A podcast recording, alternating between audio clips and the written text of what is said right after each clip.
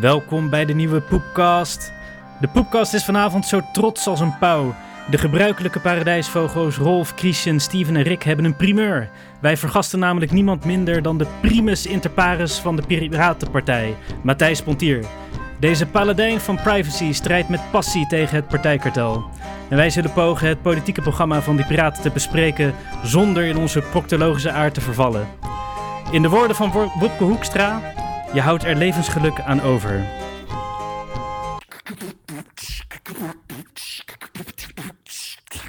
Poepcast.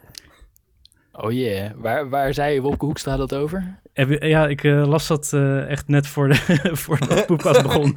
Dat eh, hij wil de WW-uitkering halveren van twee Oh. naar één jaar. En, eh, want van werken word je gelukkig.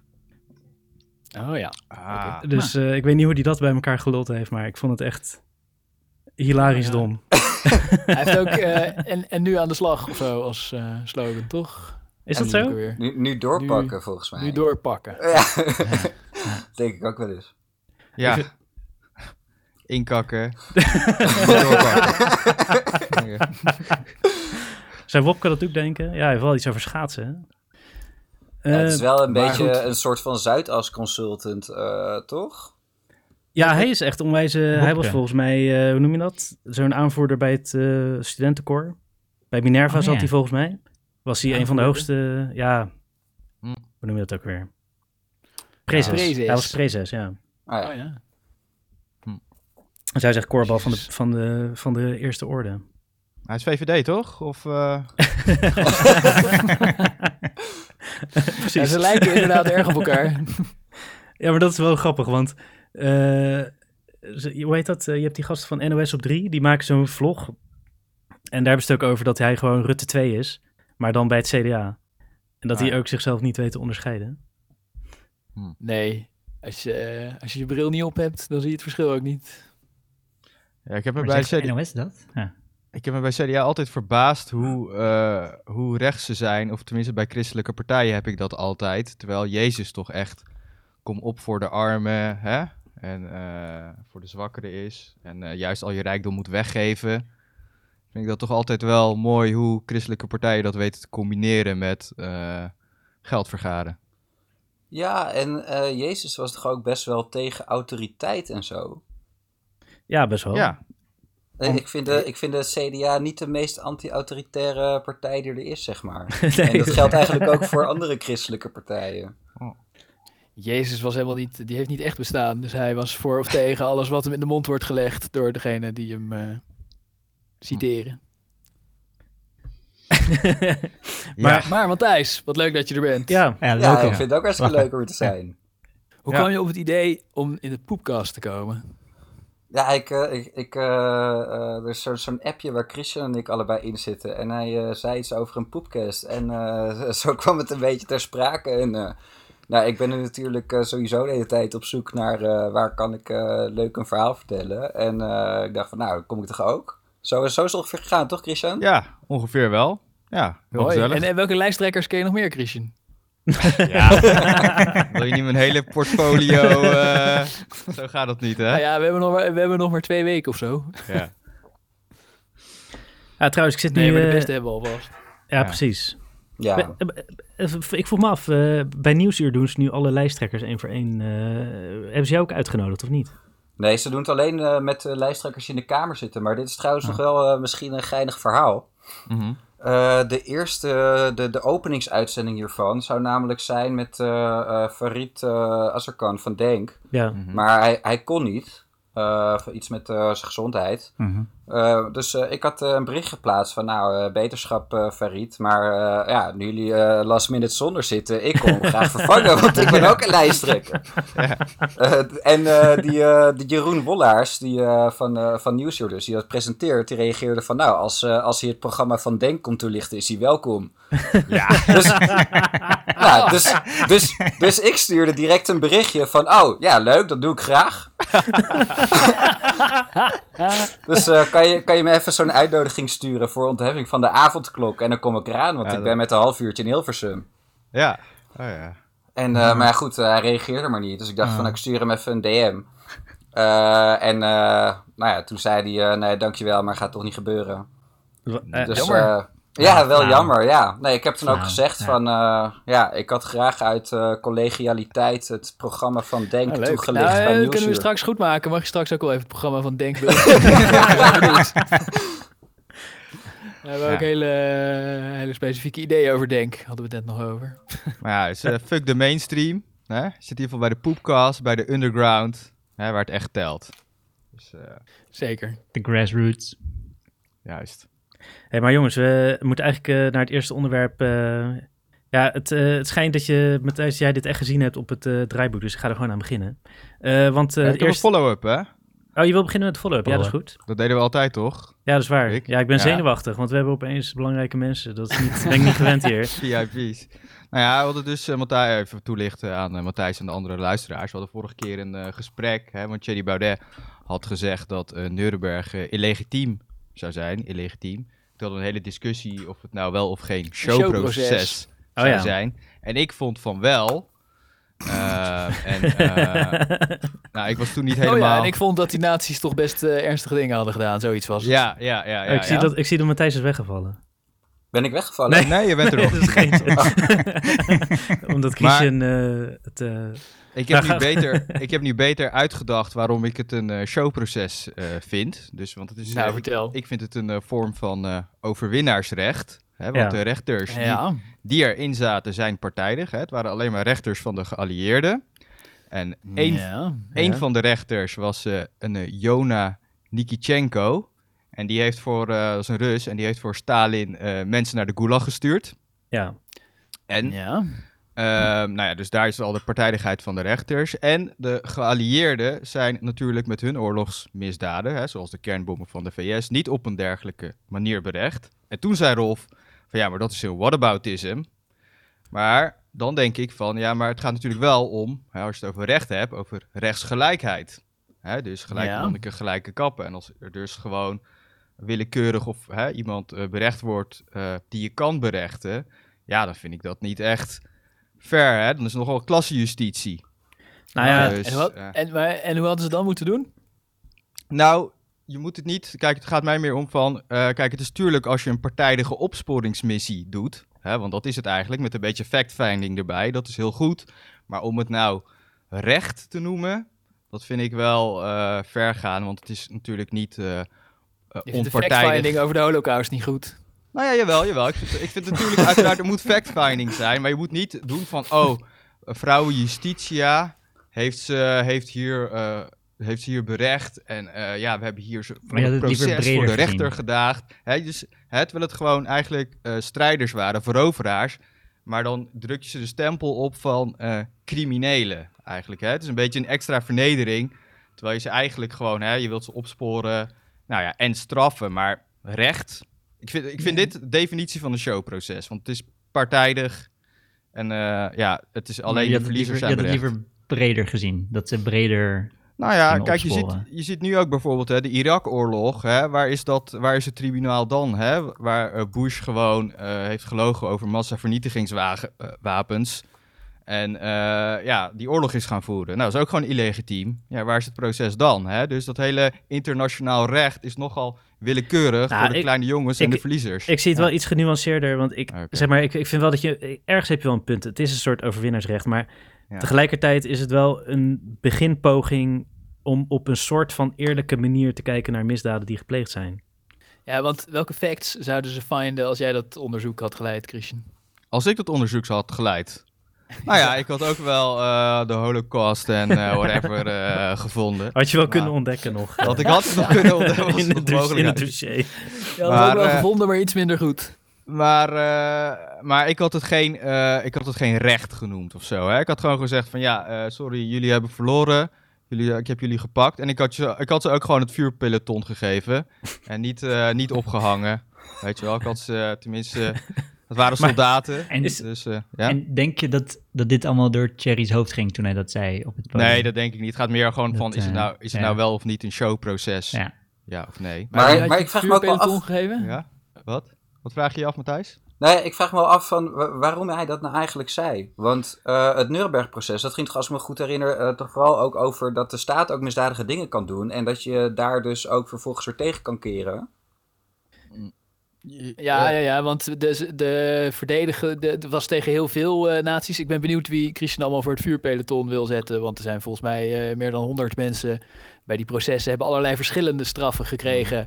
Naar Mhm. gelang van hoe zwaar hun misdaden waren. En sommige mensen. En ze hadden allemaal als verdediging. eh, ja, het waren, waren bevelen. Ja. En inderdaad hebben de rechters toen gezegd: van ja, dat is leuk. Maar eh, als je zulke bevelen krijgt, dan eh, kan je ook weigeren. Ja, Eh, ja, precies. maar kijk, Dat was toch het hele punt. En eh Thierry, die, die zit heel vaak te zeggen dat de overheid het allemaal verkeerd doet. Nou, en eh, soms terecht, soms minder. Maar dan eh, zou hij toch juist moeten omarmen dat eh, mensen eh, eh, die misdadige overheidsbevelen opvolgen er ook voor berecht kunnen worden. ja, maar kijk, ik vind het... Ja, ja, ja hij, hij begon erover als antwoord op de vraag of het huidige kabinet eh, voor het vuurpeloton moest, omdat ze coronamaatregelen. Ja, dat, Ja, het is echt waar. het is, Dat vroeg, dat vroeg een bezoeker van zijn campagnebijeenkomst. En Thierry gaf het genuanceerde antwoord: nee, dat hoeft nou ook weer niet, want eh, dan zou het een soort, is dan zou het een soort. Nuremberg showproces worden. En moeten ze gewoon wegstemmen en de maatregelen opheffen. ik realiseer me opeens, Thierry is de uitvinder van de Contra Godwin. Oh ja. Hij, hij doet een soort preventieve Godwin om dan vervolgens al het andere te ontkrachten. Wat je, alle natievergelijkingen die op hem afkomen. Ja. Maar, Maar ja, niemand had het over nazi's en toen begon hij er zelf weer over. Het was niet zo heel handig. nee, dat is niet. Maar over dat punt, hè, bevelen kan je weigeren, dat vind ik ook veel te simpel. Hè? Want in oorlogstijd, hè, dan is dat gewoon insubordinatie. En dat betekent het gewoon Nee. een kogel. Maar dit zijn de Ja, mensen die ja, de bevelen op, eh, oplegden natuurlijk. Dit zijn niet de, dit zijn niet de maar als. Hitler, als Hitler zegt, eh, doe dit, eh, tegen, kijk, het was nogal hiërarchisch en Hitler was gewoon duidelijk de baas. En als jij daar in die organisatie zit en je zegt van, nee, Hitler ga ik niet doen. Ja, nou, dan weet je wat er met je gebeurt. Dus ja, ik, vind dat, weigeren. ik vind Ja, dat een beetje Hitler- makkelijk. eh, Ja. Nee, Hitler zat niet alles, alles te micromanagen. Er waren gewoon mensen die hadden opdracht om de orde te bewaken. En die hebben dat op verschillende manieren geïnterpreteerd. En Mhm. eh, sommige mensen hebben dat op een manier geïnterpreteerd die, eh, die erg veel mensen het leven heeft gekost. En daar gingen Mhm. die rechtszaken over. Ja, Volgens dat mij snap waren ik. het wel echt rechtszaken met getuigen verhoren en dit en dat. Ja, maar goed, de, de rechters waren... Het, het is sowieso partijdig, hè, dus eh, daar begint het al. En het zijn de Nee, maar de- zeg maar, er zit wel nuance ook in de uitspraken. hè. Eh, want er zijn echt wel nazi-kopstukken die relatief mild gestraft zijn met eh, celstraf of, eh, en niet eens de doodstraf. Ehm, Nee, zijn ook Ja. mensen vrijgesproken. De een moet je zwaarder straffen dan de ander. Nou, ik, ik, eh, ik, heb mijn, Als ze niet even erge misdaden hebben gepleegd. ik heb mijn punt in ieder geval eh, gemaakt. Maar wat nog wel interessant was Oh. aan, dit, aan dit verhaal. Hè, ze zijn dus eh, opgehangen, maar er was, is discussie over geweest dat de ophanging inhumaan eh, was. ja, Want ze Mhm. hebben de standard drop gekregen in plaats van de long drop. En het schijnt dus bij ophanging dat je verschillende drops hebt. oh ja. En, eh, Ja. ja. dat is super, oh, dat weten jullie ook. Dat is super Ja, interessant. Oh, Maar- nou, ja. Ja, iemand... nou, ja, het zal ik- Wikipedia-artikel te citeren? Ja, het- Maar maar uit. Ja.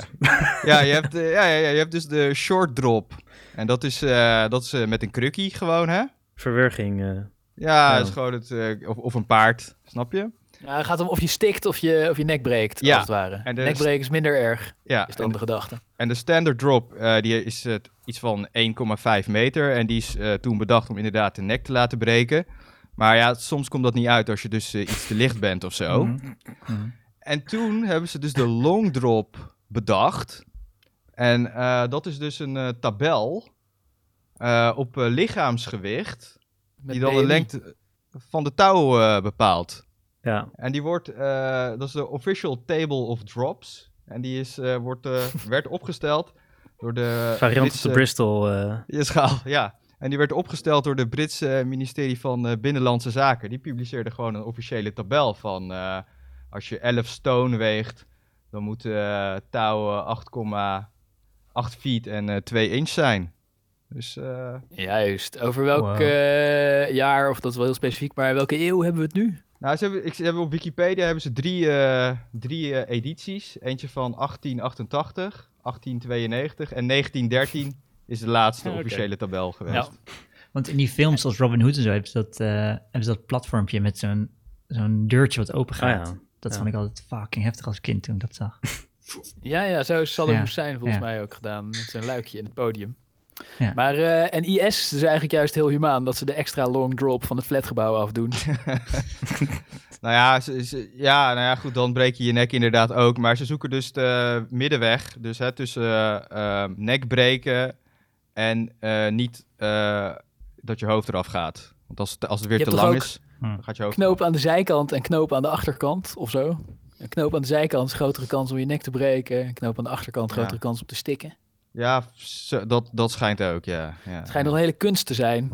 Klopt, het is een hele science, dat is wel duidelijk. eh. Ja, Je hebt, eh, Steven, ik, ben, eh, ik had jou die, die film ook getipt. Die gaat over eh, de afschaffing van de doodstraf in Zuid-Afrika. Welke film? Eh, ja, de, de naam ga ik opzoeken. Die ga ik eh, achteraf in de comments zetten. Ja. Maar ehm, die film die laat echt best wel heftig zien hoe ophanging eraan toe gaat. En dan merk je dat er niet zo heel veel humaans aan de long drop is überhaupt. En, eh, maar ook alle gevolgen van ophanging en die lijken opruimen en zo. Het is echt, het is echt nasty as fuck. Het was een inhumaan proces. Oh, oké. Maar het is ook, het is ook wel... Dan, ja, we gaan mensen ophangen, maar wel humaan. Ja. In wiens partijprogramma ja, staat dat? Piratenpartij eh voor tegen de doodstraf. Ik kan er niks over vinden. Ik zit Ja, het, nee, eh, nee tegen, duidelijk. Ja, ja. Nee, we zijn, we zijn heel erg van de mensenrechten, dus de doodstraf Ja. past, eh, past er duidelijk niet mee. Alleen, alleen de Nee, SGP nee. is volgens mij voor de doodstraf. Ja, dat, Serieus? dat klopt, jullie ja. Ja, Ah. ja, ja. Oh, shit. ik, vraag, ik vraag me af wat Jezus daarvan had gevonden. Ja, precies. Alleen Ja. God mag mensen doodmaken, toch? Ja, dat zou je zeggen. Nou, dat ja. moeten we SGP-lijsttrekker vragen. Matthijs. Maar hij wou niet. Weet, Want, je, ja. weet je ook of ze voor de short drop, de standard drop of de long drop zijn? Eh, eh, eh, ik heb het eh, partijprogramma van de SGP eerlijk gezegd niet heel erg goed bestudeerd. Maar Oh, ja. ik ga ervan uit dat ze daar niks over zeggen. Ja, ja. Nee, ik denk het ook. Maar ik vind het wel bizar inderdaad dat de SGP nog voor de doodstraf is. Hoezo dan? Nou, het zou wel mooi zijn als zo'n Ik denk tabelletje dat ook die, hebben. eh, in, de, in de Bijbel staan ook allemaal wetten van wat je moet doen als je slaaf wegloopt. Moet je met zijn oor aan de, aan de deurpost spijkeren, dat soort dingen. Dus het zou, het- de doodstraf zal er ook wel in Het is voorkomen. gewoon oud testament, ja precies. Oog om oog. Ja, Oké, vet. Er staan allemaal hele specifieke wetten in. Maar ik, de- ja, ik denk dat zelfs de SGP ze niet allemaal wil invoeren. Dat weet ik niet precies. Nou, dat eh, komt in de follow-up. Nou, ik ben bijvoorbeeld voor eh, vrijwillige doodstraf. eh, daar denk ik wel eens over na. Vrijwi- als je zeg maar levenslang, doodstraf. ja, als je levenslang krijgt, gewoon onherroepelijk levenslang, dan je mag kiezen voor. Oh, dat de eh, grond is voor euthanasie. Nee, maar dat Ja. wordt, eh Christian, dat eh, wordt afgeschaft. hè? Uitzichtloos en ondraaglijk lijden, omdat je levenslang in de gevangenis zit. Het Ja, dat Nou, vind ik eigenlijk wel een goede grond. Maar sowieso vind ik dat, er- dat er niet al, te mak eh, niet al te moeilijk gedaan zou moeten worden over euthanasie. Als mensen dat echt gewoon, eh, eh, als die er uitgebreid over nagedacht hebben en dat gewoon consequent willen. mhm. Ja, maar dat, eh, dat gaat toch ook de goede kant op. eh, nu ook met eh, psychologische aandoeningen, dat je, als, als het echt niet gaat, dat je daarvoor kan kiezen. Nou, volgens mij ook zonder psychologische aandoeningen zou dat eh, moeten kunnen als je dat echt eh, graag wil. En dat is gewoon een, een consequente, vasthoudende wens. Gewoon Maar- vrijheid als mens, bedoel je? Autonoom. Ja, van- ja. dat is, ja, dat is onderdeel van het zelfbeschikkingsrecht. Ja. Mensen, menswaardig sterven is toch ook gewoon onderdeel van het zelfbeschikkingsrecht. Kijk, Ja, en als, mensen, als mensen gewoon even in de put zitten, dan moet je natuurlijk eh, eerst proberen hulp aan te bieden. Mhm. Maar als, als gewoon blijkt dat dat eh, eh, niet werkt en dat het een weloverwogen keuze is, dan waarom eh, zou je mensen de recht op een menselijk einde ontnemen? Mee eens. Be- Nee, daar ben ik helemaal met je Mhm. eens. Ik denk alleen eh, wat een essentieel element in euthanasie is, is dat iemand anders het voor jou doet. Het Ja, doodmaken. precies. Het is toch niet illegaal om zelfmoord te plegen? Dus ja, de handhaving Maar, eh, daarvan lijkt me ook ingewikkeld. Maar Maar Nou, episode, vol- episode volgens mij 1 mag het van al. Poepkast. Vol- volgens eh, mij is het bij wet wel eh, illegaal. eh, alleen, eh, zelfmoord te plegen? ja, om iemand dacht- anders te helpen. Ja, om iemand anders te helpen Ja. ook. Maar volgens, ik dacht dat het, Ja, zelfmoord dat, is dat, ook- dat, dat, het formeel klopt, ja. wel verboden was eigenlijk. Oh ja. Ja, want kan je, ja, kan je toch niet ja. handhaven? n- niet echt, maar het mag niet. Nee, ik bedoel in de zin dat degenen die dat dan hebben gedaan dood zijn.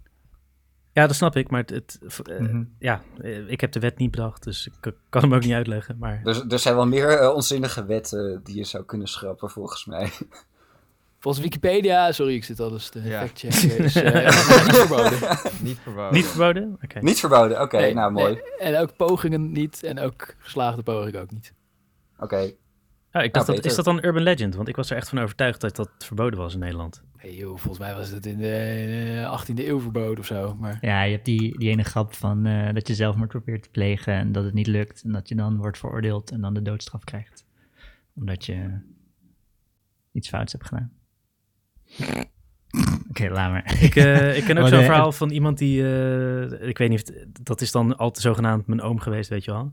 Die, eh, die kreeg dan euthanasie, want die, eh, die was ziek en dan ging hij vragen, is de naald wel steriel?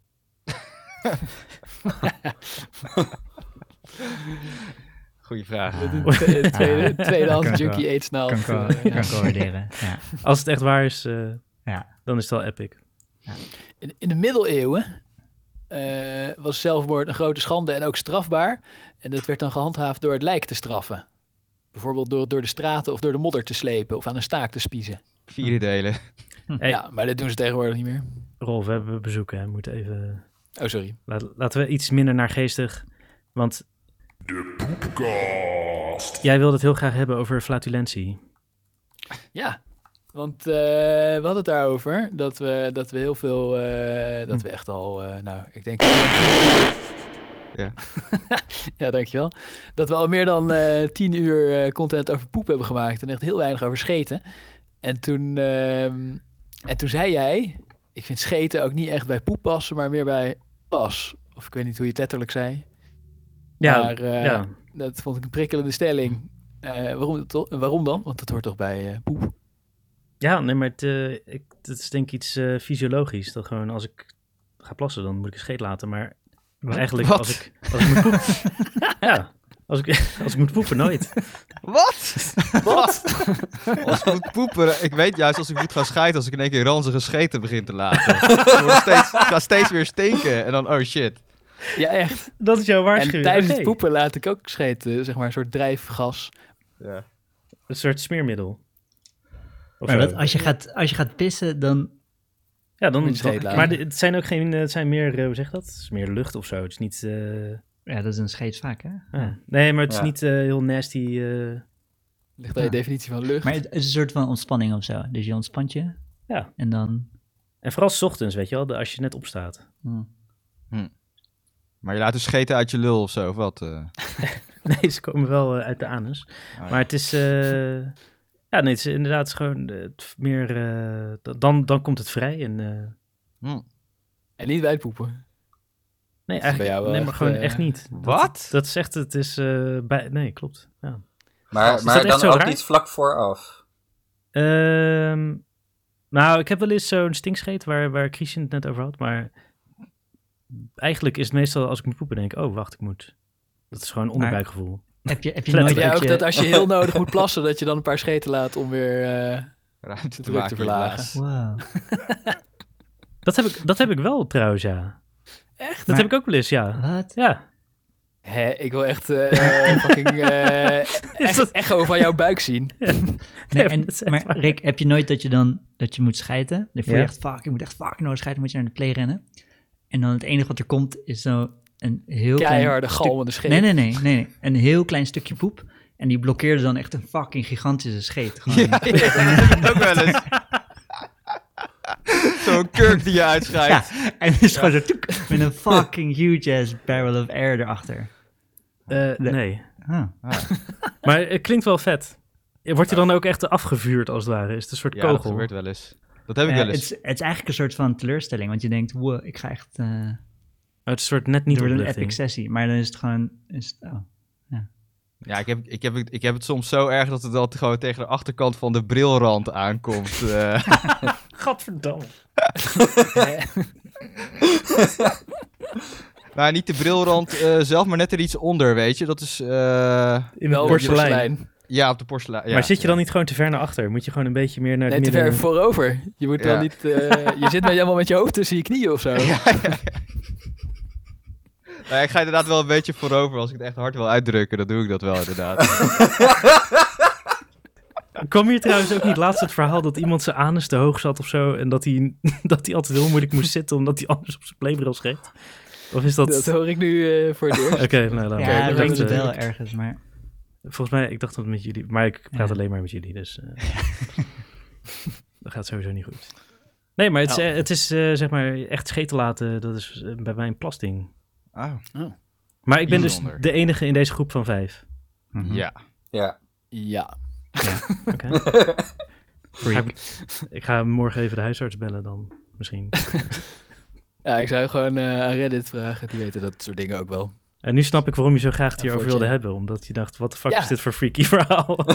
ja, precies. Ik dacht, wat is dit? Maar eh, nee, ja, eh, dat, dat denk ik nu nog steeds trouwens.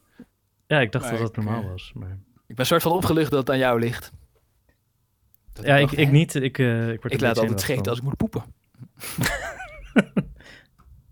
Ja, maar Nou, ik, ik, denk eh, dat ik- iedereen, ik ook inderdaad, maar dat heeft iedereen toch? Ja, behalve Ja, Rick. Dan, eh, in het begin dan, dan denk je van, oh ja, ik moet echt even een paar scheten laten. En op een gegeven moment denk je van, oké, nu moet ik echt poepen. Ja, bij mij is Heb je ook, Rick, vrij als je heel veel water of bier drinkt, dat je dan scheten moet laten? Ja, sowieso.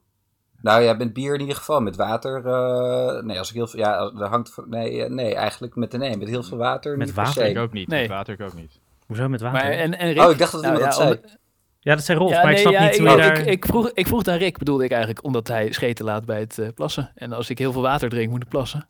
Oh, nee, nee, nee. Het is niet dat het dan eh, meer scheten wordt of zo. Maar het is meer dat ze... Zeg maar, ik ben zo iemand die zijn scheten inhoudt de hele tijd. Als er mensen bij zijn. En dan, als Ja, je dan even gaat niet doen, plassen, dan kun je ze gewoon laten. Oké. Toch? Of doen jullie ze gewoon laten in gezelschap? Nou ja, beleid. meestal wel. Maar ja, je zegt net 's ochtends als je opstaat. Maar dan eh, kan ik wel gewoon een paar scheten laten eh, in bed, toch? Zo, je Ja. denkt met wapperen. Zo. Maar met het thuiswerken is het ook wel iets makkelijker om het gewoon allemaal de vrije loop te laten. Mijn kantoor Zeker. is gewoon een soort gaskamer. Heb je wel een broek aan als je zit te eh, webcam vergaderen? In de zomer niet. maar nu, nu wel. Ja. Gewoon eh, zo'n zwembroekje doe ik aan. Nou, voordat iedereen hitsig wordt, zullen we door naar, naar het volgende onderwerp. Ja. ja, is goed. Goeie. Want eh, dit is een luisteraarsverzoekje. Ehm, Oh ja. eh, want Shorty vroeg... eh, oh ja, ik zal even iets meer context geven voor Matthijs. Ik, eh, ik heb het geprobeerd het RIVM-model na te bouwen in, eh, in software. Echt? Ja, Maar op basis, dat- vind ik best wel een dingetje, want op basis van welke informatie? Want ik, eh, ik, ik ben dus ook wetenschapper, ik heb gewerkt met modellen. Ik, ik gaf eh, studenten college over modellen, ook over epidemiologiemodellen. Maar ik eh, heb er ook best wel een beetje naar gezocht. Maar ik kan dus nergens echt heel veel info vinden over waar die modellen op gebaseerd zijn. Terwijl ik dat eigenlijk heel graag zou willen zien. Ja, het gaat hier specifiek over het model van, eh, zeg maar, de RIVM publiceert cijfers van hoeveel mensen besmet. En die verschillen ook weer van wat anderen publiceren. En wat dan de R, de R0, of weet ik veel, Ja. de R-waarde is. ja, Ja. dus... eh, nou ja, maar eigenlijk, eh Matthijs, wat jij, probeert... oh, ja, wat, jij met, wat jij beschrijft was precies ook mijn probleem ermee. Je bent want- aan het goede adres. Ja, eh, ik, ik kon het dus ook niet vinden. En toen ben ik dus, eh, je hebt die eh, weekrapportage, daar staat in, daar worden een paar wetenschappelijke artikelen in geciteerd. Eh, dus toen ben ik aan de hand daarvan ben ik gaan proberen om na te bouwen. En ik zit nu binnen 10%. Maar eh, ja, eigenlijk eh, is het totaal onduidelijk wat die gasten nou aan het doen zijn daar. Het is totaal niet eh, transparant eigenlijk. Eh, Hmm. maar ja, de, ja, eigenlijk, ja, nu nu ben je al tot de kern van de zaak gekomen. Hoe kijk jij er dan naar? Nou, hoe ze ik- dat aanpakken? Nou, ik, ik heb eh, dus grote problemen met het gebrek aan transparantie. Zeker als je allerlei maatregelen neemt die, die best wel eh, mensen hun vrijheden beperken, vind ik dat je er eh, heel erg transparant over moet zijn. Ja, Op basis van welke data je dat doet. En wat de afwegingen zijn. Ja. Eh, er zijn ook best wel wat maatregelen die minder je vrijheid inperken, maar die mensen wel heel erg beschermen. Eh, die, waar nu niet voor gekozen wordt. En misschien hebben ze dus wel hele mooie doorrekeningen in modellen dat het eh, toch inderdaad ook minder goede oplossingen zijn. Maar dat kan ik nu niet zien. nee. Dus eh, weet je wel, laat het gewoon zien. Maar Eh, dan, dan krijg je volgens mij ook veel meer steun voor die maatregelen. Want een heleboel mensen die hebben nu ook argwaan door dat gebrek aan openheid. En eh, hoe zou het komen? Want ja, ze willen het toch Nou, niet geheim houden? Hey, wacht even, Rick. Jouw, jouw data komt toch nog steeds wel redelijk overeen met wat het RIVM berekend. Ik bedoel, het is niet alsof het nou totaal verschilt of zo. Je hebt toch Ja, maar dat gaat hetzelfde. over, over het aantal besmettingen in de air, toch? Dat, is- dat is voor de rest eh, eh, niet Ja. zo super ingewikkeld. Maar ik heb het ook over eh, de de modellen waarop ze de, de voorspellingen van de Ja. effectiviteit van maatregelen Ah, ja. eh, eh, voorspiegelen. Die zijn En dat, en, inderdaad en dat niet ze dingen lopen te roepen als, en ook nou, nou, door relatief proces, precies vind ik, eh, dat ze zeggen van ja, door de maatregelen hebben we nu 41.000 besmettingen voorkomen. Ja, Ja, dat nou, ja. Ja. Eh, als, als, eh, eh, weet je wel, als wetenschapper zeg ik van nou, eh, dat, dat, dat soort uitspraken kan je echt niet doen gewoon. Nee, het, het- en wat je zegt, zeg maar, ik heb expres het makkelijkste model gekozen, omdat ik dacht, daarvan is het makkelijk om te toetsen welke methode ze gebruiken. Maar zel- ze zeggen eigenlijk alleen maar, ja, dit is ongeveer, ze geven eigenlijk het wiskundeboek, ja, dit gebruiken we. Mhm. Eh, en probeert maar na te bouwen, maar is eigenlijk, vet, daar houdt het ook op. Ja, precies. En alles staat op PubMed of zo. is ook zo'n quote, toch? Van eh, zoek het maar op in de... Ja. Ja, ja. Nou, ik, dus, ik heb er eh, naar gekeken ja. en ze hebben inderdaad wel de referenties, literatuurartikelen gegeven met welke methodes ze hebben gebruikt. Ik heb het zelf niet nagebouwd. Ik, mijn statistiek is ook niet goed genoeg, maar het ziet er wel naar uit. Had ik het idee dat ze in ieder geval alles gedeeld hebben hoe ze het doen. Nou ja, voor die, voor die R-berekening is het, denk ik, is dat zo. Want Ja. ik heb het eh, redelijk kunnen namaken. Maar. Eh, maar ook een beetje hacky hoor trouwens. Alleen eh, wat Matthijs net terecht aanhaalt, je al die berekeningen van de R reduceren, waar, waar dat op gebaseerd is, heb ik niet kunnen vinden. Ja. Oh ja, dat, nee, inderdaad, daar heb je gelijk in. Dat delen ze niet. Als ze dus een maatregel willen invoeren, dan zeggen ze van ja, dat zou dan zoveel procent contacten reduceren. Dat zeggen ze dan altijd. Ja. Dat zou een reductie geven in zoveel R. En daar heb ik inderdaad nog geen ja, berekening of iets dergelijks. Nee, precies. En ik heb ook het idee dat ze graviteren naar dingen die ze kunnen vangen in hun model. En dus oplossingen die ook een R-reductie zouden geven, maar die niet makkelijk in een model te vangen zijn, dat die dan ook minder populair zijn bij de RIVM. Ja. Ja. Omdat ze gewoon binnen hun, eh, hun wetenschappelijk systeempje willen blijven. Graviteren. Hmm. En, en Ja. eh, Matthijs, van Jaap van Dissel? Ja, wat moet ik ervan vinden? Eh, kijk, ik, ik ben gewoon heel erg kritisch over dat gebrek aan openheid. En eh, Ja. uiteindelijk eh, kan ik ook niet inschatten of dat eh, allemaal eh, Jaap van Dissel's schuld is. Of dat hij ook eh, eh, eh, in een situatie waar hij in terecht is gekomen het beste ervan probeert te maken. Ja. Mm. Ja, die komt in ieder geval daar iedere week naar de Tweede Kamer en probeert dan hun vragen te beantwoorden. Dus dat is op zich wel open. Alleen ze stellen de verkeerde vragen vaak. Ja, en nou ja, goed.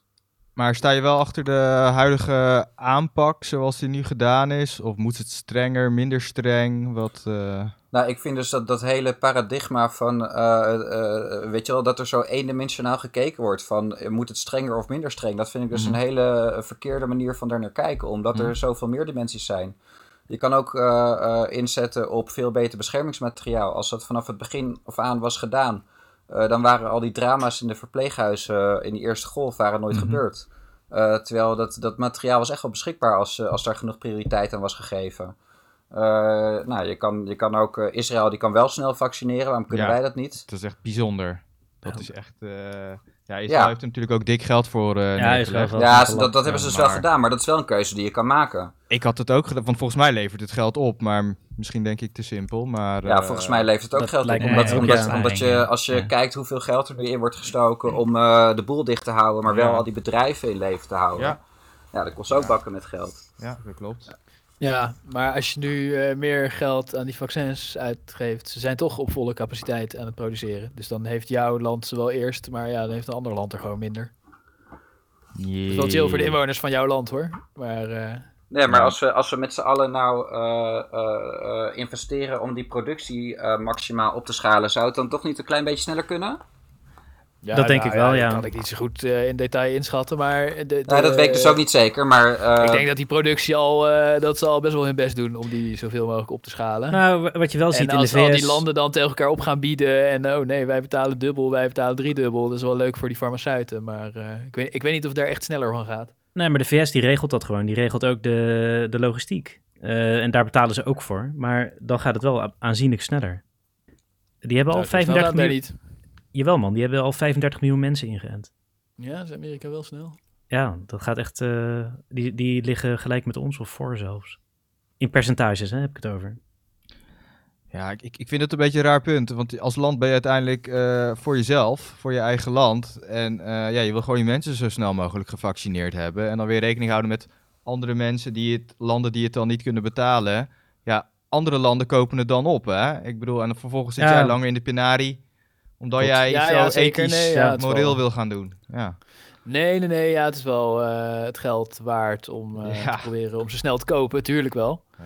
Maar eh, ja, nee, als, als alle landen tegen elkaar op gaan zitten bieden, dan, eh, dan wordt het allemaal veel duurder. eh, terwijl ik niet. Maar, Nee, maar, maar, maar daar moet je natuurlijk ook eh, ver weg van blijven. Je moet, je moet gewoon zorgen dat je met z'n allen eh, in ieder geval zoveel mogelijk investeert, zodat je met z'n allen ook zoveel mogelijk vaccins hebt en dat dan een beetje eerlijk verdelen. Ja. Maar ik ben dan alsnog wel benieuwd, bijvoorbeeld eh, eh, binnen de EU ja. eh, hebben we best wel wat dingetjes samen gedaan, toch? En toch zijn wij eh, het een beetje, ja, Ja, nou, door het, AstraZeneca. het, het, traagste kindje uit de klas, zeg maar. ja. Ja, nee, dat Nou, is juist heel- helemaal. eh, dat heeft averechts gewerkt, die. EU-samenwerking. Ik hoorde Hugo Ja, de? Jonge eh, in, in, op, die zei op opeens zei die we staan nu in het linker rijtje. Hij, hij zegt dat we nu weer bijgetrokken zijn, maar ik heb het niet gefactcheckt, moet ik eerlijk zeggen. Ja, dat hoorde ik hem ook op een gegeven moment Ja. zeggen. En eh, toen stonden we bij de statistieken die ik zag toch nog gewoon eh, in de eh, behoorlijk lage middenmoot. ja, goed. Kijk, eh, maar, dit, maar dit gaat trouwens wel weer, dat is ook een beetje mijn eigen schuld over welk land is nou eerder dan een ander. Maar ja, vol- volgens mij, ik, ik vermoed dat er ook wel wat winst te behalen is als je met z'n allen gewoon inzet op veel investeren in medicijnproductie. Eh, Ja, in dit geval dus eh, eh, productie van vaccins. En gewoon met z'n allen die, eh, die kennis delen als standaard. Mhm. Daardoor gaan dingen ook sneller. Ja, nou ja, wat jij zegt, eh, dat is een ander punt natuurlijk, hè, dat het aantal IC-bedden is vrij minimaal in Nederland. Hè, dat patiënten naar Duitsland eh, toe moeten, Ja. zelfs. Ja, dat is natuurlijk ook eh, bijzonder. Nou, dat is nog een van die dingen waarvan Ja. ik denk van hoe, hoe kan het nou dat tijdens zo'n eh, crisis als waar we in zitten en dat het zo duidelijk is dat je gewoon meer zorgcapaciteit nodig hebt en meer buffers in de zorg, ja. eh, dat zelfs dan, eh, eh, wanneer er voorstellen worden ingediend om het aantrekkelijker te maken voor zorgpersoneel, nou ja, of, of, of voor personeel wat er dus nog niet zit, om in de zorg te gaan werken, dat dat dan wordt tegengehouden. Ja, Geld. Ja, geld inderdaad. Nee, maar, maar dat ja, zijn dus keuzes die je maakt. Er, wordt, er, worden, er worden miljarden gestopt eh, eh, in het omhoog houden van bedrijven die het moeilijk hebben door een lockdown. Maar ondertussen Ja. wordt er niet in de zorg geïnvesteerd. Dat vind ik dus rare keuzes. Ja, zeker. maar ik heb zelf bij de zorg nog steeds het idee dat meer, dat is zo'n industrie geworden dat het ook niet meer leuk is om er te werken. Gewoon- Nee, maar ja, goed, daar moet ook van alles in verbeterd worden. Ja, Ja, klopt. Het, het, moet vooral veel minder bureaucratisch worden. Als je gewoon er meer uitgaat van eh, eh, vertrouwen dat mensen goede dingen gaan doen. Dan Nou, hoef je niet ja. allemaal controlesystemen in te richten. Dan hoef je niet iedereen massaal te controleren. En dan, eh, weet En je maar- wel, dan... Matthijs, wat, dat, voor, wat voor controles bedoel je? Nou, nu heb je ehm, een zorgstelsel waarin eh, verzekeraars de hele tijd aan het controleren zijn of eh, artsen niet te veel zorg aanbieden. En hoeveel zorg ze eigenlijk precies aanbieden, dat moeten ze allemaal administreren. Want eh, als je dingen administreert, dan kan je erop sturen. Dus ik, snap, ik snap vanuit de bestuurdersperspectief dat ze dat graag willen. Maar uiteindelijk, door dat systeem zo in te richten, eh, zijn artsen nu een heel groot, en, en zorgmedewerkers in het algemeen, een heel groot deel van hun tijd kwijt aan administratieve druk. Hè, dat, ja, dat dat, klopt dat- ik, ik hoor percentages admin, van eh, rond 30%. Dat is echt, echt extreem veel. Dat zou dus volgens mij eh, maximaal 10% moeten zijn. Ja, nou ja, 30. Ja, dus eh, ik Ja, ben, ik en- ben en arts, als je- dus, als je- eh, het klopt ja. wel. Het is wel, eh, er is Ja. wel een forse, en dat is niet alleen voor wat de verzekeraar wil, maar dat is ook de dossiervoering en andere dingen. Maar er zit een hoop eh pull-down lists en een hoop eh, DBC-codes die je moet aanklikken. wat is en DBC? moet- eh, diagnose-behandelcombinatie. Oké. Cool. Eh, ja, ja, nee, er gaat gewoon überhaupt in het artsenwerk eh, gaat Heel veel tijd zitten in het Maar eh, administreren. de bottleneck is nu toch eh, bij Nederlandse IC's de verpleegkundigen, niet de artsen. Mhm. Ja, ja, zeker Ja. weten. Ja, ja. Ja. Je hebt niet zoveel artsen nodig. Ja, nee, maar even serieus. Als verpleegkundige ben je al helemaal, word je alleen maar in een soort stramien. Je bent gewoon, eh, je kan net zo goed aan de lijn in de fabriek staan. Je, je- Ja. alles Ja. wat je doet wordt bepaald. Ja, de, ja, verpleging, de verpleging vangt de klap eh, ja, van deze crisis, hoor. Niet, niet de artsen. Ja. ja. Ja. Nee, ja, niet, ja, die worden gewoon dik doorbetaald, toch, Steven? ja, de artsen worden gewoon... Ja, ja. Artsen hebben Dus, tijd over om een eh, beetje over poep te gaan zitten houden. Ja, precies. Ja. Nee, maar de verpleging die heeft het zwaar hoor. En die wordt een soort van aangesproken op hun eh, gevoel Ja. van eh, hun plichtsgevoel. Ja. Dus eh, iedereen is ziek, iedereen krijgt corona en dan eh, ze draaien vaak dubbele dienst. Ja, dus zij zijn, Ja. eh, zij zijn echt keihard de sjaak. En ja. Even allemaal klappen voor de verpleegkundigen, jongens. Hebben ze verdiend. We, Beloning. kregen, we kregen laatst eh, een ritualspakket opgestuurd. Als dankjewel. Ah, kijk. Is Rituals, en wie, en wie betaalt dat dan? Wie, wie moet dat betalen? ja, dat is Belastingbetaler. weggesnoept. Ja. Nee, dit Maar is, ja, eh, Ja, we kunnen moeilijk snel allemaal nieuwe verpleegkundigen uit de hoge hoed toveren, toch? Dus, Nee, maar dat hadden ze al langer eh, moeten nu, doen. Nu Ja. pas Ja. Dit, nu dit is pas geen nieuw verhaal, weet je wel. Ja. heeft Nee. men gezien dat het er echt veel te weinig zijn. Nee, dat hebben ze al eerder gezien. Die reductie is al eh, tijden gaande hè, op de zorg en eh, spoed en eh et cetera. Om gewoon kosten te besparen. Ja. Dat is al tijden gaande. Ja. Dus wist, dit is gewoon, ik bedoel, ja, het is toch bekend dat als je alles gaat minimaliseren, dat als er dan in één keer iets ergs Ja, gebeurt, tuurlijk, dat je wel, keten dan eh, kwetsbaar wordt. En dat zie je ook. Ja. Kijk naar de GGZ, hè, wat er gebeurd is met die eh, decentralisatie. eh maar eens even een ander voorbeeld. Hey Rick, Ja. beantwoord even die vraag van, de van de luisteraar. Wat, eh, oh, over de formule. ja. Wat, hoe die werkt. al de tijd te wachten. Dit gelul te luisteren. Ja. Nee, maar eigenlijk is het, eh, zeg maar, die, die, die, ja, die, eh, ik, ik ben geen wetenschapper, eh, Matthijs. Ik, doe, ik, ik lees die dingen en dan denk ik, wat staat er nou eigenlijk? Maar die, ja, hoe, hoe noem je dat? Die proefschriften of die, die onderzoeken, die zijn heel ingewikkeld om te lezen.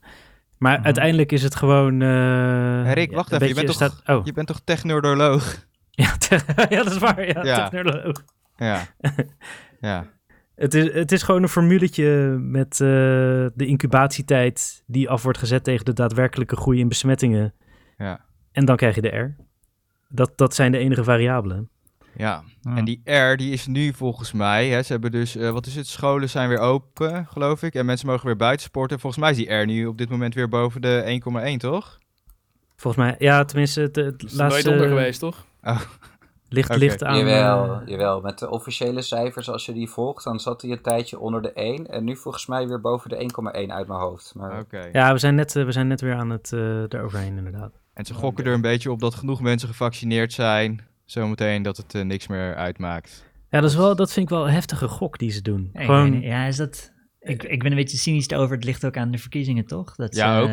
eh, dat vind ik zo nasty. Dat ja, dat gevoel heb ik er ook bij, ja. ja. Ja. Dat ze gewoon denken, ja, nou ja, we hebben nu die vaccins en dat gaat lekker snel nu. Dus misschien komt het net uit. En we moeten een beetje cash voor de verkiezingen. En dan daarna, ja, komt de rekening wel. Maar dan is het al, ja. Maar Ja. eh, dat is wel de cynische uitleg, want als ik bij mezelf kijk en om me heen, ik ben er ook wel een beetje klaar mee. Het is op. ja. Eh, de- alle regels volgen, ik, ik doe het Ja. ook niet meer. Ik doe niet meer mee. ja. Nou, nee. ik- ik- ja, Femke heeft me overtuigd. eh Ja. Famke, hoe heet ze? Famke Louise. Maar is het toch zo? Of hebben jullie dat niet? Dat je gewoon denkt... Ja, eh, tuurlijk. Die avondklok, eh, het begint wel allemaal de Ja, nek ja, uit ja, te ja. komen. Dat, eh, ja. ja, Ja, avondklok. ik wil wel de hele tijd niet aan. Hey, Matthijs, als lijsttrekker, hou jij je dan echt strak aan alle regels gewoon omdat je niet dat gezeik wil wat je bijvoorbeeld ook had met je huis of zo? nou, ehm, ik eh, mag af en toe een vrijstelling hè, voor die avondklok in ieder geval. Ja. Mhm. Als je Voor echt rest, Maar eh, ontvang je wel eens twee mensen op bezoek? Nou, dat is wel eens gebeurd hoor, ja. Ja, maar, en ben je bang, eh, ja, hier luistert gelukkig toch niet, niemand naar, maar ben je niet bang dat ze daar een foto van op tv gaan laten zien? Of denk je, ja, dat is niet interessant genoeg voor op tv? Nou, nee, ja, ik ben er niet zo, eh, niet zo heel bang voor, sowieso. Oh, dan je wilt een soort grapperhuisje oplopen. Ja, precies. Nou, ja, Nee, maar- Ik kan me voorstellen dat Hugo de Jonge niet twee mensen op bezoek krijgt, want eh, die... Ja. eh, Jawel, die stond laatst nog toch zonder mondkapje in de winkel. eh, Ja. Dat was Ah, vorige ja, week ja. of zo. Ja. Ja. Ja, maar ik, ik ben natuurlijk eh, überhaupt met wel meer dingen eh, dat, je, eh, dat ik ethiek belangrijker vind dan of je nou net aan de, aan de regeltjes houdt. Eh, en ik vind het ook altijd heel erg belangrijk om altijd na te, blij, eh, na te blijven denken over eh, welk doel dient dit. En dan vind ik het bijvoorbeeld belangrijker dat als je eh, bij kwetsbare mensen op bezoek gaat, dat je ook al heb je eh, eh, weinig risico's gelopen daarvoor, dat je even preventief laat testen. Ook al wordt dat nu nog steeds soort van half ontmoedigd, heb ik het idee. Ja, precies. maar ik ja. zou iedereen adviseren, als je bij kwetsbare mensen op bezoek gaat, laat je altijd gewoon even testen. Het is een, een kleine moeite. Ja, en precies, dat, dat vind mee. ik veel belangrijker dan of je nou één of twee mensen op bezoek hebt. Vaag is dat, hè? Dat, ze, dat je, volgens mij mag je nu gewoon testen om, om jouw moverende redenen. Hoef je geen klachten te hebben. Maar eh, daar doen ze nog steeds super onduidelijk over. Rutte die had eh, recent nog gezegd van, eh, dat, dat hij nog nooit was getest. En eh, Ja.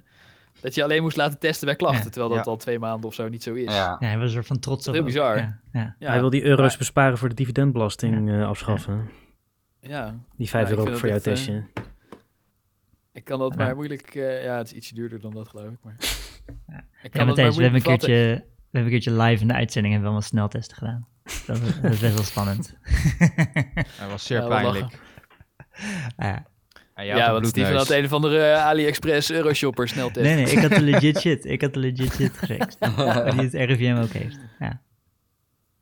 Nee, helemaal niet. Want ik ben ook wel eens door het RIVM getest. Of nou ja, door de GGD. Ja, maar niet de sneltest. Die, eh, was echt Je hebt niet de, snel, Nee. niet de sneltest Nee, gekregen van het... eh, ja.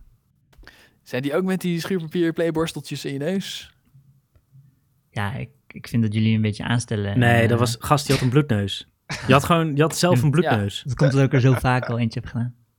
En nee, ja, het was niet dat ik kermend van de pijn op de grond lag. Maar ik voelde wel een zeer duidelijk verschil. Want die, Zeg maar, eh, die hebt je- GGD-teststraat je hebt die heeft een je, hebt soort je vinger satijnen door midden gesneden kussentje. en daar zeik je niet over. Daar doe je een beetje stoer over. Maar je krijgt een watstaafje in je neus en daar huil je al vier maanden non-stop over. Vinger eraf gezaagd. Nou ja, als ik die vinger moet vergelijken met dat ik hem tegen cirkelzaag aanhoud en eh, dat ik hem lekker in jouw warme poepert stop, dan, eh, dan, vind ik- dan vond ik dat wel lekkerder. Eh, Dan voel ik wel verschil. Ah, Oké. ja. Hey, eh, nog even over die, dat testen met klachten. Ja, dat, dat, dat, is wel, ja, dat klopt wel een beetje. Want ehm, je wil natuurlijk een, eh, dat zoveel mogelijk positieve mensen getest worden. Want anders krijg je ook heel veel vals positieve. Ehm, en dat is waarom ze niet willen. ja, Ja, niet zijn die testen misschien wat beter. maar er zijn toch heel veel mensen besmet zijn- ook. Dus ja, eh, er hoeveel vals positieve ga je nou Ja. hebben? Zeg maar, Ja, en als ook- de- En ook Nou, heel eh, veel vals negatieve, hè? Kijk, als mensen klachten hebben, dan kan je sowieso zeggen, blijf, eh, ja, blijf dan sowieso maar thuis voor de zekerheid. Maar als je denkt van, ah, je hebt geen klachten en je test negatief. Oh, ik ben dus eh, coronavrij. En daarna word je wel ja, een beetje, nee, Nee, ja, ja, ik heb niet er zit een element van schijnveiligheid in, ja. Maar de, de PCR is ook best... eh, tenminste, dus als je in het ziekenhuis bent en je hebt soort typische Ja. klachten, dan willen ze twee negatieve PCR's. Ja, Om het echt zeker te weten. Klopt. Als je eentje hebt, dan kan het nog, weet je, dan vertrouwen ze het niet helemaal. precies. Maar ik vind, ik vind die argumentatie ook een beetje van... Ja, maar eh, Ja, omdat het misschien niet klopt... laten we het dan maar helemaal niet doen. Maar, Ja, maar dat de, klopt maar gewoon de, niet. nee. Maar de rate van eh eh vals negatieve bij de PCR is toch echt extreem laag. Die is toch eh, ver onder de 1% nog. Ja, die is heel laag. En als, als, als, als, en als er een vals negatief? is, dan is de kans toch groter dat er een menselijke fout is geweest. Ja, die, ja, die menselijke fout kan je in positief de... nog wel eh, voorkwam, maar nee. Ja, vals, vals positief komt, komt eh, relatief veel voor eh, eh, op basis van de uitleg die eraan gegeven wordt.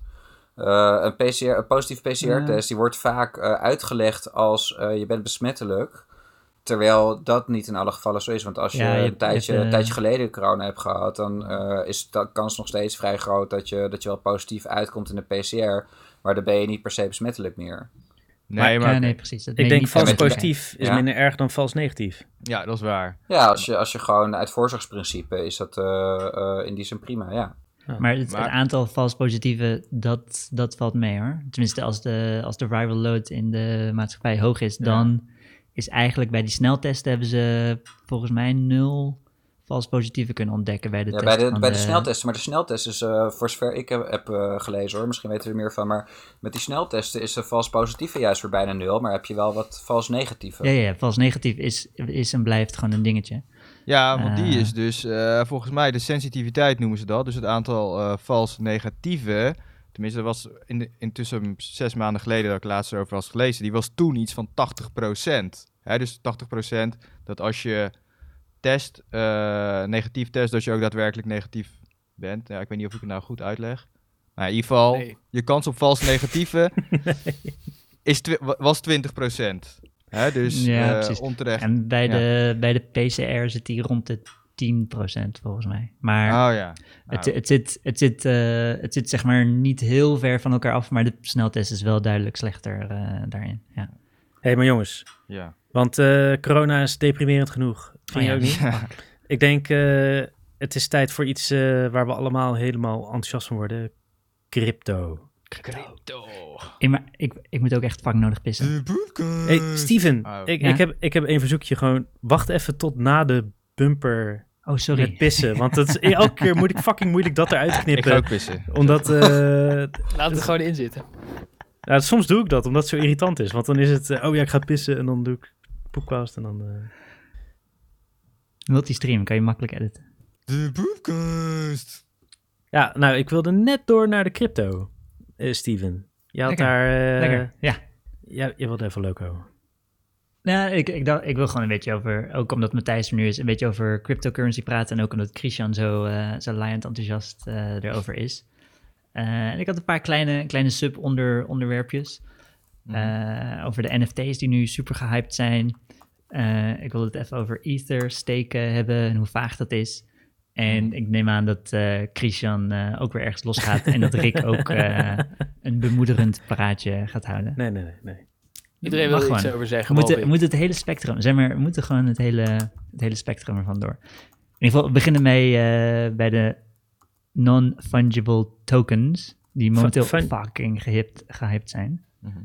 Dus de, wat zeg je? Ja, die kunnen niet beschimmelen.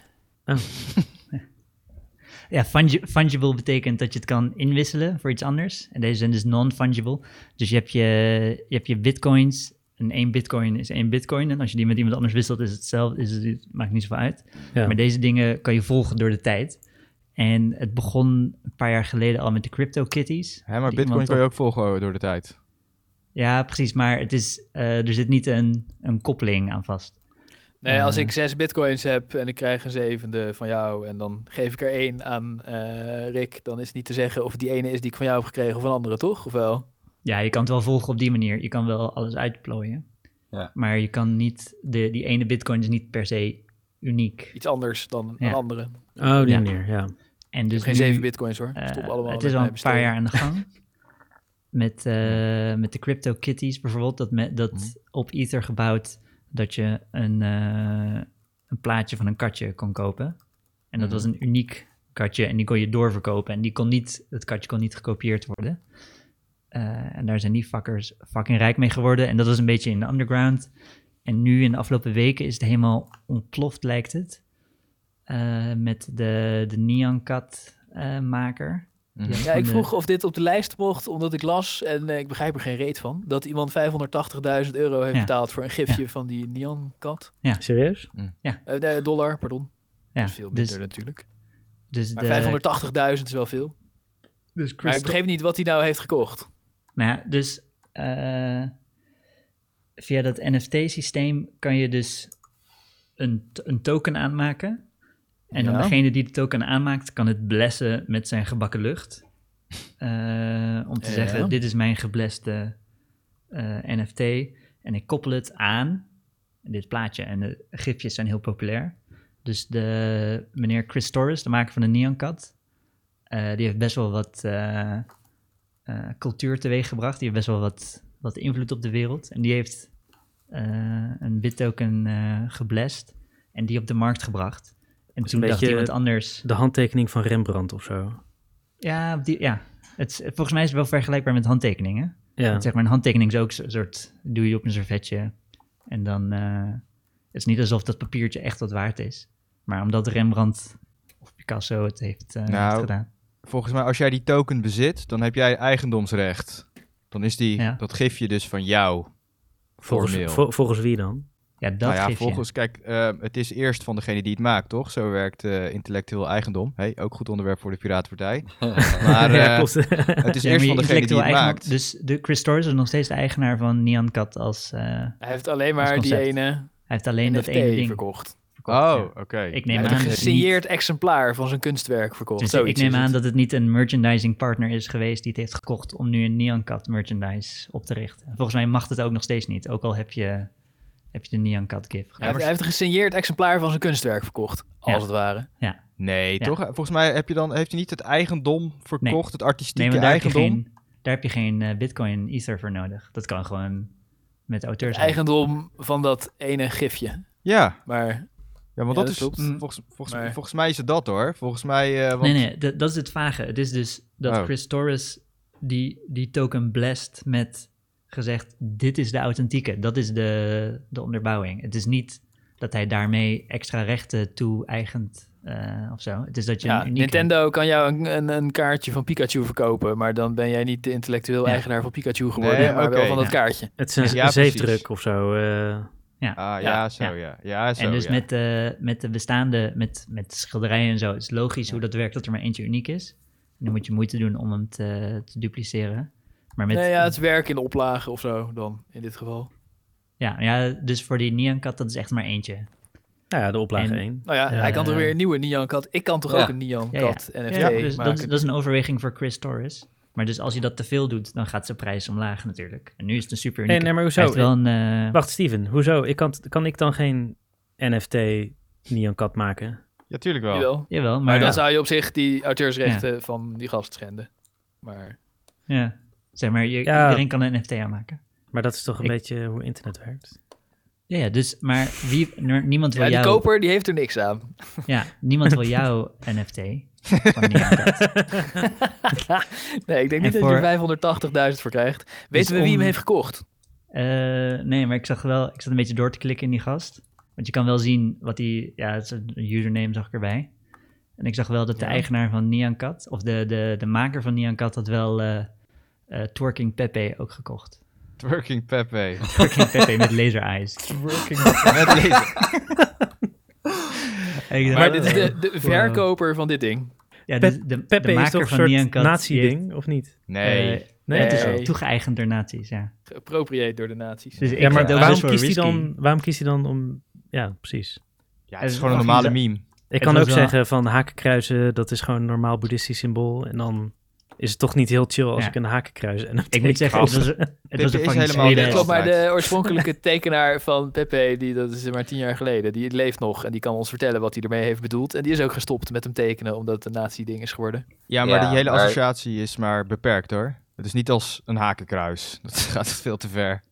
Nee, maar Ja. nou ja, het is wel erg genoeg dat de tekenaar heeft gezegd, joh, ik ga dat niet meer tekenen, Ja. want eh allemaal nazi's Ja, gaan er Ja, maar ik- maar nu ik al lang niet meer hoor. eh, Dat was ik iets van niet een Pepe 2017 of zo. Nee, maar ik ga niet een Pepe-spel dragen in het openbaar. dat doe ik niet, denk Geen ik. button van Pepe? Nee. En ik, ik ga ook niet een eh, Twerking Pepe Laser Eyes NFT kopen. Nee? Ook al is het een sweet ass, dat is een sweet ass gifje hoor. Echt wel, het zag er nice Hey, maar die shit is ook helemaal anoniem. Je kan ook niet zien waar het geld vandaan kwam, zeg Ja, maar. wel die username. Dus het is anoniem zoals Bitcoin anoniem is. Dus Ja. niet echt anoniem. En je Ah. kan wel moeite doen om het dan eh, anoniem te maken, maar dat, dat lukt niet helemaal. Maar Dus je ik kan heb ook voor, als eh, briljante marketingstunt een miljoen aan jezelf betalen voor je debiele gifje. ja, ja, ja, volgens mij, ik neem aan dat, Ja. dat, zeg maar, dat het ook gebeurt. Dat is ook wat er is gebeurd natuurlijk. eh, dat weet ik niet. Maar Dat is een complot. Ik neem aan dat het wel gebeurt. Het is gewoon wilde westen van eh smichterige bullshit. En, eh, want ik heb, het is best wel leuk. Ik heb voor, eh, ik heb voor deze episode heb ik dus de albumart van, eh, van deze episode als ik een NFT aangemaakt. Oeh. Hoeveel ik weet niet of je hem al had gezien, Matthijs, de albumart, of niet? Nee, nee, ik heb nog niet gezien. Ik zal, ik zal zo even, stuur ik een linkje in de, in de, Hoeveel. Ethereum, Steven? wat zeg je? Hoeveel Ethereum is hij? Nee, je kan er gewoon vrij op bieden. Dus het Oh, bieden? geen prijs. Ja, je kan bieden erop. Ik heb geen, ja, ik weet niet Oké. hoeveel. Maar, Maar we eh, kunnen anoniem een miljoen op onszelf bieden Ja. en dan eh, beroemd worden. Aha. Alleen dat moeten we wel goed eh, verborgen houden. maar en je je moet moet wel echt een miljoen Nee, hebben. maar je moet een miljoen ook betalen, hè? Het moet ook wel van rekening gaan. Van Ja, rekening naar rekening. ja, Ja, precies. precies. Je moet aan jezelf betalen. Dus ja, je moet- Steven, hoeveel je betaal je mij voor hebben. als ik 10.000 euro bied? Ehm 5 euro, zoiets. Heb ik er wel eens over. Ik maar dan denk ik niet wel dat, we de, dat we de frontpage van Slashdot halen door 10.000 Nee. euro voor Wacht, een... eh, ik, do- ik copy-paste even van de link in de groepschat. Een moment. Ja. Oh ja.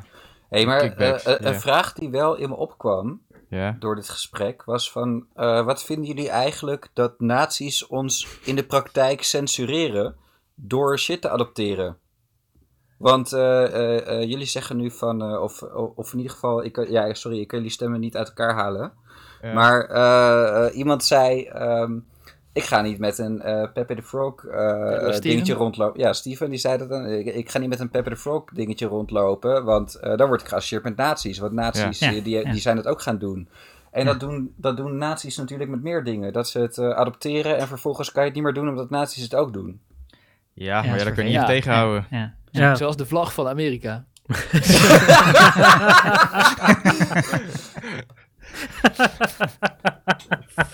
Ja, het is waar, de Tin Blue, Ja, tin true. blue Line. Ja, daar ga ik me ook niet meer mee vertonen. Eh, misschien hebben nazi's dat wel expres gedaan om de vlag te ondermijnen. Nee, Ja. precies. Want, want ik vind Pepe de Frog, ik vind hem best cool. En ik vind, die, eh, ik vind de tekenaar van Pepe de Frog vind ik fucking cool. Maar ik ga niet, als individu ga ik niet die strijd aan eh, met de heersende opvatting dat Pepe voor nazi's is. Zeg maar, Ja, en dan, een witte eh, puntmuts doe ik ook niet meer op. eh. ja, precies. Ik vind witte puntmunten ook best cool. Ja. Ja. Maar ik vind, ik vind het ook wel, eh, wat dat betreft, Matthijs, vind ik het een goede vraag. Want het is wel Amerikaanse shit die komt overwaaien hier naartoe. Wat, want wat heeft Pepe the Frog nou met nazi's in Nederland te maken? Volgens mij heel weinig. Helemaal niks. Ja, volgens mij inderdaad heel weinig. Maar ik vraag het ook wel een beetje omdat ik er in de praktijk zelf ook wel mee te maken krijg. Hmm. Dan, weet je wel, dan doe je ergens een keer een uitspraak en dan eh, zeggen ze van, ja, maar eh, die heeft dat ook gezegd. En dan denk ik van, Ja. ja, eh, nou, boeien. eh, dan, Ja. ja, misschien Ja. zegt hij een keertje wat verstandigs. Ja, dat zou kunnen. Ja. Eh, weet je wel, ik ben het dan eh, met 90% niet met hem eens. Maar eh, als, als, eh, moet ik me nou gaan verontschuldigen dat iemand anders eh, hetzelfde heeft gezegd als ik? Inderdaad. Vind ik onzin. Het ligt er een beetje aan, op een gegeven moment wel. Als het, eh, Ja, met- Maar, dan- maar, dan, maar dan heeft het toch te maken met de inhoud van die uitspraak zelf. En niet met dat iemand anders het ook nog heeft gezegd. Nee, dat klopt. ja, zo. precies. Ja, want je hebt, Maar je het- hebt één het- keer ja, Thierry nee, ja, herhaald of er zo, fout. Oh, sorry. Nou ja, weet ik veel. Als hij ze, als eh, Thierry Baudet zegt van eh, we moeten niet eh, de stad in de fik steken, dan eh, kunnen we het heus wel met hem eens zijn. Maar eh, het ligt er dus aan hoe, eh, hoe, hoe zinnig en belangrijk het is om dat te zeggen. Want wat wil je nou eigenlijk zeggen met een Pepe eh, op je jas als het niet over Nou, Oké, maar Rolf, Eh, eh, ander voorbeeld dan. De avondklok. Hè? Ja. Eh, als je het daar niet mee eens bent, dan dat is echt wel grensvlak. Oh, nou ja, dat Dan, durf ik nog wel eh, te zeggen. Ook al is Thierry het met me eens dat de avondklok weg moet. Maar, eh, maar de, de, ja, het, het ligt dus aan het evenwicht van hoe belangrijk het is om dat te zeggen. Want als ik... eh, eh, als ik rare... Als je, bijvoorbeeld als je zegt dat de Nuremberg-processen een showproces waren, dan denk ik, nou, wat, eh, Ja, oké, maar wil dan... je daarmee bereiken? Die uitspraak nu bezoedeld door Thierry Baudet. Ja. Nee, Ja. maar nou goed, maar, maar ergens vind ik nog wel, want, want eh, ik vind het ergens nog wel interessant, want nu klinkt het voor mij alsof je zegt van, eh, het hangt er vanaf of je uitspraak wel belangrijk genoeg is, Ik vind het ook onzin of, wat het, hij of, het, of, het uit, of het uitmaakt dat je laat censureren Nou ja, kijk, door... Nee, ja, nee, maar Als, met- als met- een bepaalde uitspraak of eh, iets, als, als iets eh, eh, op zichzelf niet interessant is, maar interessant is doordat Thierry Baudet het heeft gezegd, dan is eh, dat te herhalen. eh, nou, het gaat om de eh, laat je context. sterker de verdenking eh, op je dat je dat ook zegt, eh, omdat Thierry Baudet dat heeft gezegd en niet omdat je het belangrijk vindt om over Nuremberg eh, een of andere academische Ja, oké. Eh, ja, en discussie te beginnen. En als je zeg maar, als je een half jaar geleden had gezegd Nuremberg is een showproces, dan denk ik, oh ja, nou uh, interessant uh, academische uh, overweging. Ja, het waren inderdaad wel de overwinnaars, weet ik veel. Maar nu heeft hij dat een jaar lang in het uh, verdachte getrokken door dat te zeggen, omdat het verder ook niet zo super boeiend is om daar in 2021 nog over te gaan discussiëren. Ja. Het, het was vooral niet heel relevant liggen, ja. als antwoord. het was niet echt ja, een antwoord ik begon er ook nog uh, op, op uh, momenten over waar het helemaal niet nodig was. Maar, maar daar gaat niet om. Maar nu, nu uh, omdat hij daar aandacht op heeft gevestigd die er niet was, laat je nu een paar maanden lang je aandacht, de, de verdenking op je dat, je dat je zijn volgeling bent, als je daar ook ineens aandacht op gaat vestigen. Vanuit het niets. Ja, ik vind het heel Ja, maar- dat moeilijk. heeft hij eventjes uh, gecensureerd, ja. Ja. Nee, maar erg, erg, ja goed. Ik, ik, ik vind dat ergens dus toch wel een beetje problematisch, voel ik. Ja, Ja. Het, is, het is vervelend. En ook met Pepe. Maar Pepe heeft als negatieve power heeft hij gewoon veel meer culturele power dan als positieve power. Ja. Dus, dus die, die, er zijn gewoon de, de negatieve memes van Pepe zijn gewoon veel krachtiger dan de positieve memes. En ook Maar- die, die, je hebt die Free Pepe-beweging die de, de tekenaar is gestart om te proberen Pepe weer maar- terug te eigenen. Maar dat, Dat is allemaal een beetje, dat, dat slaat niet echt aan. Het is allemaal de nasty Steven, ik, ik, ik voel nu krijg ik opeens een beetje kriebel. Want Ja. zeg maar, eh, ooit in een duister verleden, toen het echt helemaal niet goed met me ging, zat ik heel veel op 4chan. Nog steeds, En maar dat hoeft daar ken luisteraars niet ik- te weten. Daar ken ik Pepe van. ja. En ik, heb, ik ken Pepe echt louter in negatieve context. Niet per Oh. se fascistisch, maar wel, ja, ja, hij is, eh, wel is, uit eh, 4chan. Ja, Ja, hij is toch veel beroemder als White Power ding dan als iets anders. ja, ja, Nee joh, jawel. echt niet. Wel, hij hij is gewoon een internet meme. kant. Hij Hij wordt nog steeds op Reddit en Ja, overal ik- gepost. en die hele Ja. nazi-associatie, dat is misschien in de media gekomen. Maar op, in- op internet online wordt hij nog steeds constant op Twi- Twitch bijvoorbeeld. Alle, ja, alle icons zijn wel. Pepe eh, bijna. ook omdat hij een beetje edgy is. Dus omdat hij edgy is, heeft hij meer cachet gekregen. Maar ik weet het. Maar even- de, de, de, de, de token, hij staat Ja. in de groepschat. Dus je kan, eh, je kan hem bekijken. Ja, ik, zat hem net te kijken. Hij, eh, De link staat in de show notes. We gaan bieden. Maar ik denk ook serieus dat eh nazi's of eh, weet ik veel, eh, White Power, 4chan, Mongolen, dat ze dat expres doen, omdat ze weten dat ze met hun aandacht een onschuldig iets vergiftigen. En eh, dat ze dat grappig vinden. En dat ze daarom eh, de, de een zo'n ding als Pepe of eh, ik weet niet wat ze allemaal... eh, eh, dat, Ja, dat oké-symbool. doen Om het eh, Hawaii-shirts. het taboe te maken. Ja, die Hawaii-shirts ja. van die Boogaloo-gasten. En eh, Ja, ze dat ze zitten dat ook- grappig vinden. Ik heb het ook idee dat ze ons aan het trollen zijn van eh, kijk wat we nu verboden kunnen krijgen. Ik, ik denk niet dat ze er zo diep over nadenken. Ik denk dat het gewoon op een gegeven moment een soort van identiteitssymbool wordt en dat ze er dan, dat dan allemaal aandoen. Maar om nog even op Matthijs' punt in te gaan, van, hè, dat je een uitspraak doet en dat wordt dan, oh, dat heeft diegene ook wel eens gezegd. Ja, dat wordt vaak ook wel gebruikt om heel makkelijk te scoren hè, in de media. Ja. En dan hoef je niet meer naar de context te kijken waarin die uitspraak eh, gezegd Ja, is. nee, Dat is- natuurlijk. Vaak deel is ik wel. bullshit. Want, eh, eh, lekker boeiend dat... Ja, even uitpraten, want ik zeg bijvoorbeeld ook wel eens, ja, arbeid biedt vrijheid. En dat wordt dan gelijk uit context eh, getrokken. Dus eh, ja, ik ben Ja. helemaal Ja. eh, kritisch. Dus.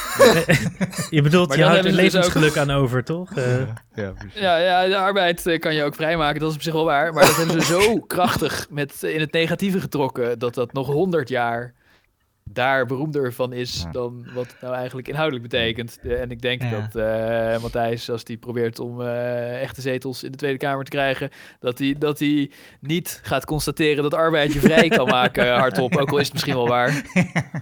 Nou ja, Nee, maar, maar het is- maar het is vrijmaken, eh, Ja. sowieso, eh, eh, eh, vrijheid is volgens mij meer dat je zelf kan beslissen welke arbeid je verricht of niet. Ja. ja. dat is wel Dat een essentieel onderdeel. eh, ja. Nee, wat dan was het nu besmet geweest, dan had ik het niet meer kunnen zeggen. Oh ja, ja. Was dan je nu gewoon, eh, dan- culture. nou, had je makkelijker een slogan gehad, had je nu ge- kunnen zeggen arbeid maakt vrij. Als, als het maar anders was gelopen ooit. Ja. ja. Oké, NFT. Oh. Dus NFT, ja, ja. terug naar de NFT's. Dus eh, het wordt nu een beetje overgenomen. Ook eh Christie's, die hebben een eerste NFT aangeboden. Dus je kan nu ook op Christie's, de beroemde, What the fuck eh, is Christie's? de beroemde Veilinghuis. auction house. Veilinghuis. oh ja. Veilinghuis voor de fancy people. Waar wij Waar nooit dingen worden geveld. Die zijn nu ook een NFT van, eh, eh van Beeple aan het... eh, er is nu een auction bezig. Het duurt nog een week of zo, twee weken. Hij staat inmiddels op ongeveer 3 miljoen dollar voor zo'n NFT. For real? Ja, ja, for real. van, van een? Van Beeple. Hij is een eh, 3D internet artist. Oh, Hij is, ja. ja die ken hij is een meme lord. Hij is wel Ja, een die vette gast. ja. Hij, is, eh, hij zit een beetje, ik vind hem een beetje Banksy-achtig, maar dan meer chaotisch en eh, weirder. Banksy Hij heeft een, heeft ook een NFT. ik je weet, dat ja, er zijn nu Oh, mensen zitten allemaal te zeggen, yo, is dit een Banksy-NFT? Oh. En eh, mensen zitten te speculeren dat Banksy misschien Nou, stiekem Matthijs NFT's aan eh, het maken is. dropt. Oh. Hm. Is hij er weer? Oh, daar is hij weer. Matthijs, ben je terug? Ja, volgens mij wel. Ja. Oh, ja. ja. Oké. Ik vond het Ja, hij was, eh, ik, ik werd er ineens uitgekikt. Hm, de Oké. Maar dus, eh Beeple heeft een project gehad dat hij, of hij is nog steeds bezig, dat hij elke dag een kunstwerk maakt. En Ja. daar is hij al 11 of 12 jaar mee bezig. En die shit wordt steeds weirder en weirder. En hij, is, eh, dus hij heeft een soort brain fart die hij elke dag heeft, die hij dan helemaal uitwerkt. En dan eh, een plaatje daarvan post. En dan de eerste 5000 daarvan, die heeft hij gekoppeld als één kunstwerk. En die staat nu op Christie's. Eh, en eh, de teller loopt nu op on- ja, ongeveer 3 miljoen. Zo. En dat is ook een, ja, het is wel teken, ja. Maar word je dan wel de eigenaar van die dingen? Nee, ja, je krijgt, je- ja, Je, je, nee. Hè? Alleen van die NFT. Ja, van die NFT word je de eigenaar, ja. Oh. Ik vind het heel bijzonder. Ik snap Ja. niet wie op die shit biedt. Ik, ik, ik denk drugsdealers of zo, die hun geld willen witwassen. ik weet niet. Gast, Ja. weet je wie het is zijn? Het zijn hè, allemaal heel veel tech-nerds die verdienen te veel geld. En die Ja. weten niet wat ze met hun geld moeten. En Ja. die verdienen heel veel geld. Ik denk en dat er heel veel die lui bieden erop. Nou, ik denk ook, bitcoin. want eh, nou, nu komt Steven, nu, nu kom ik uit de, schuur. Ja. Eh, maar waarschijnlijk zijn het gewoon die mensen, want crypto is gewoon het nieuwe eh mensen naaien. Nou, Dus ja, nee, ik zweer het. Ik zeg, zo denk ik er echt over. Oké. Zeg maar, pump en dump en zo mag allemaal gewoon met crypto. Dus nu gaan mensen doen alsof NFT, dat is de nieuwe hype. NFT, dat wordt het helemaal. Wij hebben het er ook over. Dus de mensen die nu 3 miljoen betalen voor eh Beeple, die hopen dat jij ook NFT gaat kopen. Nee, want En- bij- Ja. nee, want dan want- kunnen zij je echt, echt uitknijpen. nee, maar je, Ja. kan- je hebt maar die NFT is alleen maar voor dat werk. Het is net als een kunstwerk verkopen. Ja, die gaat op de veiling ook voor eh, 3 miljoen. Ja, eh, daarna moet er maar net iemand zijn die voor dat bedrag wil terugkopen. Ja, Hey, de- en eh, we moeten er ook mensen minen om de NFT-blockchain bij te Ja. houden of wat? dus- Zie, dus there die- you go. There you go, die shit, eh, Dat is niet waar. de Poepcast NFT, die, die kost het milieu, milieu fucking veel. eh, Maar zit je op de verkeerde Maar chain. wat krijgen de miners? Wat krijgen de miners? eh, de miners, eh, wat bedoel je? Ja, dat, dat hangt, Nou ja, haakt in met bitcoin, mijn- dat mine je omdat je bitcoin wil. ja, dat haakt in met het ether steken. Dus ehm, Ja, want Steven, hier staat, jij krijgt 15%. ja, klopt. Waar- Ik heb- nou, wie krijgt de rest dan? Oh nee, dus als die, eh, als die verkocht wordt, dan gaat 100% naar de verkoper. Dat ben ik. En bij, Oh. elke, bij elke nieuwe verkoop is er ook een eh, royalty fee ingebouwd. Oh. Ah. Als hij wordt doorverkocht. Ja, dan krijgt Ja. hij weer 15%. Heb je hem trouwens Ja. bekeken, Matthijs? Ik heb hem, ja, ik heb hem gezien. Het is een soort groene jello-drol met een vlag erin van de Piratenpartij. Ja, dus als ik het goed begrijp, dan, dan wordt er nu geld verdiend aan het Piratenpartij-logo. Nee, Ja, alleen als hij pas als iemand hem koopt. Oh, pas als iemand hem koopt. Hoeveel royalties wil je? Nou, het, eh, als Piratenpartij Ja, zijn we wel eh, een, een niet zo hele rijke organisatie die donaties goed zou kunnen gebruiken natuurlijk. Maar die hebben ook bepaalde standpunten over copyright. Maar Zeker, je dat je zeker. geld zou Dus, moeten krijgen voor ieder kunstwerk waar je logo in voorkomt? Eh, Nou nee, maar donaties zijn zeker oh, welkom. gelukkig. Ja. Ja, want wat Ja, is nee. jullie copyright standpunt? Dat weet ik niet. Eh, nou, ehm, dat is in principe een, een beperkt eh, monopolie. In veel gevallen, met allerlei uitzonderingen. Dus je mag bijvoorbeeld geen eh, mensenrechten schenden om eh, copyright te handhaven. Ehm, ook voor onderwijsdoeleinden zou, het, zou, de, zou de uitzondering moeten gelden. Andere non-commerciële doeleinden eigenlijk ook. Nou, we zijn dus een groot fan van die Creative Commons. Eh, waarin je dus aangeeft eh, eh, voor welke gevallen het eh, gewoon vrij gebruikt mag worden. En, eh, Bijvoorbeeld in het onderwijs, hoor ik je zeggen, of niet? ja, in het onderwijs eh, zou eigenlijk in, in de meeste gevallen gewoon een uitzondering moeten gelden. Een goed idee. Ja, Mhm. En, maar v- wil je het ook beperken op eh, tijd? Hè? Want volgens mij is eh, die copyright van Disney is nu als je doodgaat en daarna nog 75 jaar of zoiets. Ja, precies. Bizar. ja klopt. Ja, nee, dus dat, dat, dat zei ik met een beperkt, eh, eh, een beperkt commercieel monopolie. Dat gaat over Ja. de gevallen waar je dus eh, wel prima vindt dat er eh, nog steeds copyright geldt. Ja. Eh, maar dan zou je eerder denken aan periodes van tussen de eh vijf jaar, misschien 15 jaar, misschien in sommige gevallen 20 jaar. Dat, Mhm. dat, eh, dan moet je ook een beetje eh, volgen wanneer eh, heeft de maker er zelf nog baat bij. En wanneer gaat eigenlijk het eh, grootste deel van het geld naar een eh, leger advocaten wat er een hek omheen zet. ja, precies. Eh, want je wil uiteindelijk dat eh, de opbrengsten De maker moet toch zelf weten of hij het aan advocaten geeft of niet? Nou, eh, eh, met de manier waarop het nu geregeld is, Ja. is het als makers heel erg moeilijk om eh, zelf buiten een leger aan advocaten om daar inkomsten voor te krijgen. Ja, precies. De, de, de, je hebt een paar, je hebt een paar eh, Ja, je moet het afdwingen. partijen die Ja. de copyright nou, nee, law ja, het het valt in beïnvloeden sommige gevallen eh, toch wel Ja. mee. Als je een boek schrijft en dan twintig jaar later koopt iemand je boek, dan heb je toch geen advocaten nodig om... eh, Nee, maar om je Nee, maar dan, te dan zit je toch bijna altijd bij een uitgever. En je uitgever ja. die, die int voor jou eh, de, de, de opbrengsten. En die pakt eh 85, 90 procent. Ja. Maar de, ja, En dus- eh, nou trouwens, ik, eh, ik heb zelf een, dus een achtergrond als wetenschapper. Maar daar is helemaal een pervers systeem. Hè? Ja, klopt. Maar wacht even, nee. Als ik, eh, als ik een goede roman schrijf over poep en scheten. En dan Ja. eh, hoeveel, jaar, hoeveel jaar krijg ik er dan geld voor? Eh, nul, na, nul, na nul hoeveel dagen. jaar... Nee, maar ik, wou net, ik was net benieuwd naar eh, hoezo als wetenschapper, want eh, daar ben ik, ik heb geen Nee, maar- idee. ja. Nou ja, als wetenschapper dan eh, eh, schrijf je dingen. Eh, om verder te komen als wetenschapper, dan word je afgerekend op het aantal publicaties met de hoogte van de impact factor. Ja. De impact factor die is afhankelijk van het journal eh, eh, wat eh, beheerd wordt door een eh, uitgever. Vervolgens word je als wetenschapper gevraagd om een soort van vrijwillig het werk van anderen te beoordelen. Dat zijn dan die peer reviews. En ik vraag me heel erg af wat die uitgever nou eigenlijk allemaal doet. Maar eh, die eh, eh, vangt soms zelfs nog geld omdat je wil publiceren. Vervolgens vangen ze ook nog geld van de mensen die het graag willen lezen. Terwijl ondertussen wetenschappers voor een groot deel van belastinggeld eh, eh, belangeloos voor die uitgever aan het werk zijn. Damn. Ja, het is Ja, helemaal bij die wetenschappelijke Het is helemaal- bladen is het super erg. Ja, dat, ja. Is, eh, dat is zeker zo. Het is echt nasty. Hè, maar die, die, die naaien gewoon iedereen. De mensen die willen lezen moeten betalen. De mensen die willen schrijven moeten betalen. Ja, de mensen die checken moeten betalen. Wat Ja, fuck? ja, die wetenschappelijke artikelen is echt heel erg. En eh, universiteiten betalen fucking veel geld, eh, zodat hun studenten kunnen lezen wat hun eigen onderzoeksgroepen hebben geschreven.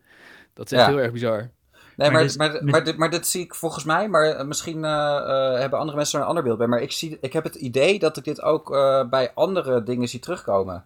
Dat eh, bij de wetenschap is het dus heel erg zo van, ja, je wilt bij ons elitaire clubje horen, want dan heb je aanzien. En vervolgens eh, betaal jij er dus voor als maker. En ondertussen vangen we ook nog eens geld bij de mensen die het gaan lezen. Nou, bij de muziekindustrie is het eh, bijna wel hetzelfde. Want als jij het wil maken als eh, muzikant, ehm, helpt eh, steun van een grote Virgin of whatever wel. Hè? En die pakken dan wel alle rechten en het meeste geld. En ja, pas als je het uiteindelijk gemaakt hebt, kan je er een beetje los van proberen te komen. Maar ja, artiesten worden bij het leven genaaid door dat soort grote... Ja, ja, zeker. Maar ik, eh, ja, ik ga geen roman schrijven hoor. Maar ik kies een boek eh expres als voorbeeld, omdat je Mhm. dat heel erg in je eentje maakt op je zolderkamertje met je Mhm. laptop. En dan eh, hè, ja, heb je allemaal uitgeverij nodig die het gaat lopen drukken en Mhm. postertje in de boekwinkel hangen, weet ik veel. En dat heb je geen zin om zelf te regelen. Dus zij krijgen driekwart van het geld, is prima. Je krijgt, maar, je krijgt zelf maar 10%. Maar het is wel relaxed als dan mensen het 30 jaar later dat boek willen lezen, dat je nog steeds 10% van het geld krijgt. Toch? Ja, maar je zou Ja, dus 30 ook, eh, die, je Oh, zou sorry, kunnen, kunnen naar nieuwe verdienmodellen. eh, waarbij je die hele uitgever niet meer nodig hebt. Ja, het is wel fucked up, want eigenlijk je betaalt voor de naam van de uitge- Ja. uitgever, toch? Nou, ik, kijk, ik vind uitgevers zal je wel nodig hebben voor bepaalde marketing en productie en distributie en dergelijke. Maar ze, het klopt wel dat ze, dat ze, in ieder geval in de muziekindustrie hebben ze wel eh, heel veel macht. eh, Ja. Klopt. Nee, maar volgens mij, Maar als volgens de, mij als de bij... eh, auteursrechten vervallen, is het alleen maar nog erger voor de schrijver. Want dan mag iedereen zijn boek uitgeven zonder geld aan de nee, schrijver nee, te nee, geven. nee, nee, nee, nee. Nee, nee, nee, want je mag niet Dat- zomaar geld verdienen aan, aan andermans werk. Nee, nee. Dus er is wel een periode dat je er geld aan kan verdienen. Maar het is een kwestie van eh, cultuur wordt niet eh, in een vacuüm gecreëerd. Het is al- altijd standing on the shoulders of giants. En bijvoorbeeld id Nou. Software, die gelooft hier ook heel erg in. Dat zijn maar, die zijn heel erg van de vrije code en die brengen hun eigen shit uit open source, omdat ze het gevoel hebben dat zij ook geleerd hebben van andere grootheden die hun shit open source hebben gebracht. En Ja. alle cultuur is ook voortgebouwd op eerdere cultuur, op eerdere cultuur. En dus Zeker. bijvoorbeeld met zoiets als Disney, die fuckers hebben gewoon fucking miljarden verdiend aan eh, niet gecopyrighte verhaaltjes eh, animeren. Ja. Die ze gewoon gratis konden gebruiken. En nu zijn ze ineens de, de fucking nazi's geworden die alle copyright willen dichttimmeren. Ja. Terwijl het gewoon, het is gewoon cultuur geworden. En het zou echt fucking mooi zijn als mensen daarmee aan de slag konden. Als je met eh, Mickey Mouse Mouse, of, ja, met, Harry- of met eh, Star Wars aan de slag zou kunnen. Dat bestaat nu al zo lang. Dat is zo diep in de cultuur geworteld. ja. Je mag Daar toch ook, je hebt nieuwe toch ook die, dingen mee mag toch ook? Je hebt toch die Nee. kunstenaar die Mickey Dan- Mouse met stijve lul maakt en zo? Ja, Ja, maar ook als je pech hebt, beperkt. krijg je leger advocaten achter je Ja. aan. Ja, En dan word je helemaal eh, uitgekleed. Dus je mag niet zomaar Star Wars fanfiction eh, publiceren. Of eh, wat is het? Twilight. Dat Je was, mag er geen geld aan ver- Ja, Twilight Ja, was mij mag je niet fanfiction, verkopen, Ja, wel ja. eh, schrijven. Ja, ja, precies. Nou, officieel, officieel mag dat volgens mij gaan er niet achter iedereen aan. Maar dat kunnen ze wel, als jij in één keer heel bekend wordt of zo op een Ja, bepaalde manier, kunnen ze wel moeilijk gaan doen. Al die fangames die worden gekapt door Nintendo. Als eh, iemand een fangame uitbrengt, dan gaat Nintendo gewoon met zijn dikke reet erop zitten en die zegt fuck ja. Maar Rolf, als jij een boek maakt, wil ik wel de NFT kopen. Dat is goed. Ja, nee, ik wil dat je dan Ja. het, eh, het, het boek koopt en dat, je, dat ik dan geld krijg. Dat is hetzelfde, toch? Ja, nou ja, dat, eh, Wat, ik wat wil is het dat, verschil? dat- eh, ik wil dan dat het voor andere mensen verboden is om eh, mijn boek te gaan zitten drukken en uitgeven zonder dat ik daar geld voor krijg. Nee, maar, maar daar zijn we in alle gevallen tegen, hè, even voor duidelijkheid. Wij vinden niet dat, je, dat, dat wie dan ook eh, geld mag verdienen aan iemand anders zijn werk. Zeg maar, en Eh. momenteel is het zo geregeld dat als jij doodgaat, dat daarna nog 75 jaar lang eh, jouw shit in copyright blijft. Dat is bizar, is bizar is toch? echt- Ja, dat lijkt me wat Ja. lang. eh, Ja. Maar ja, ja, als ik dood ben, eh, whatever. Maar ik, Ja. ik dacht dat ik, eh Matthijs hoorde zeggen dat na 20 jaar de auteursrechten moesten vervallen. Ja? Maar Ja, daar ben ik Ja, mee dat zoiets, ja. ja, Ja, ja. het, het zit in die... In die Nou ja, je maar kan- als, de auteurs, als de auteursrechten op mijn boek zijn vervallen, mag iemand anders het toch uitgeven zonder dat ik er iets voor terugkrijg. Ja. Nee, dan- je, hebt Ja. ook nog, eh, je, hebt, je hebt ook nog morele rechten. Dat, dat is wat anders dan het, dan het commerciële monopolie. Nou ja, kijk, iemand anders zou het Want, mogen... want je hebt bijvoorbeeld ook rechten eh, dat eh, Mark Rutte niet zomaar jouw nummer speelt eh, eh, bij eh, zijn eh, verkiezingsnederlaag. Nou ja, kijk, als het... Ik je bent wel ik- heel optimistisch, Matthijs. Nou ja, kijk, Nou, ik, ik denk wel dat hij lager gaat uitkomen dan de peiling, serieus. Maar ehm, ik hoop het echt. ja. Hoopt ook. Maar kijk, hè, als, het, als de rechten eenmaal vervallen, dan kan je erover discussiëren van... Ja, mag iemand anders het wel of niet verkopen?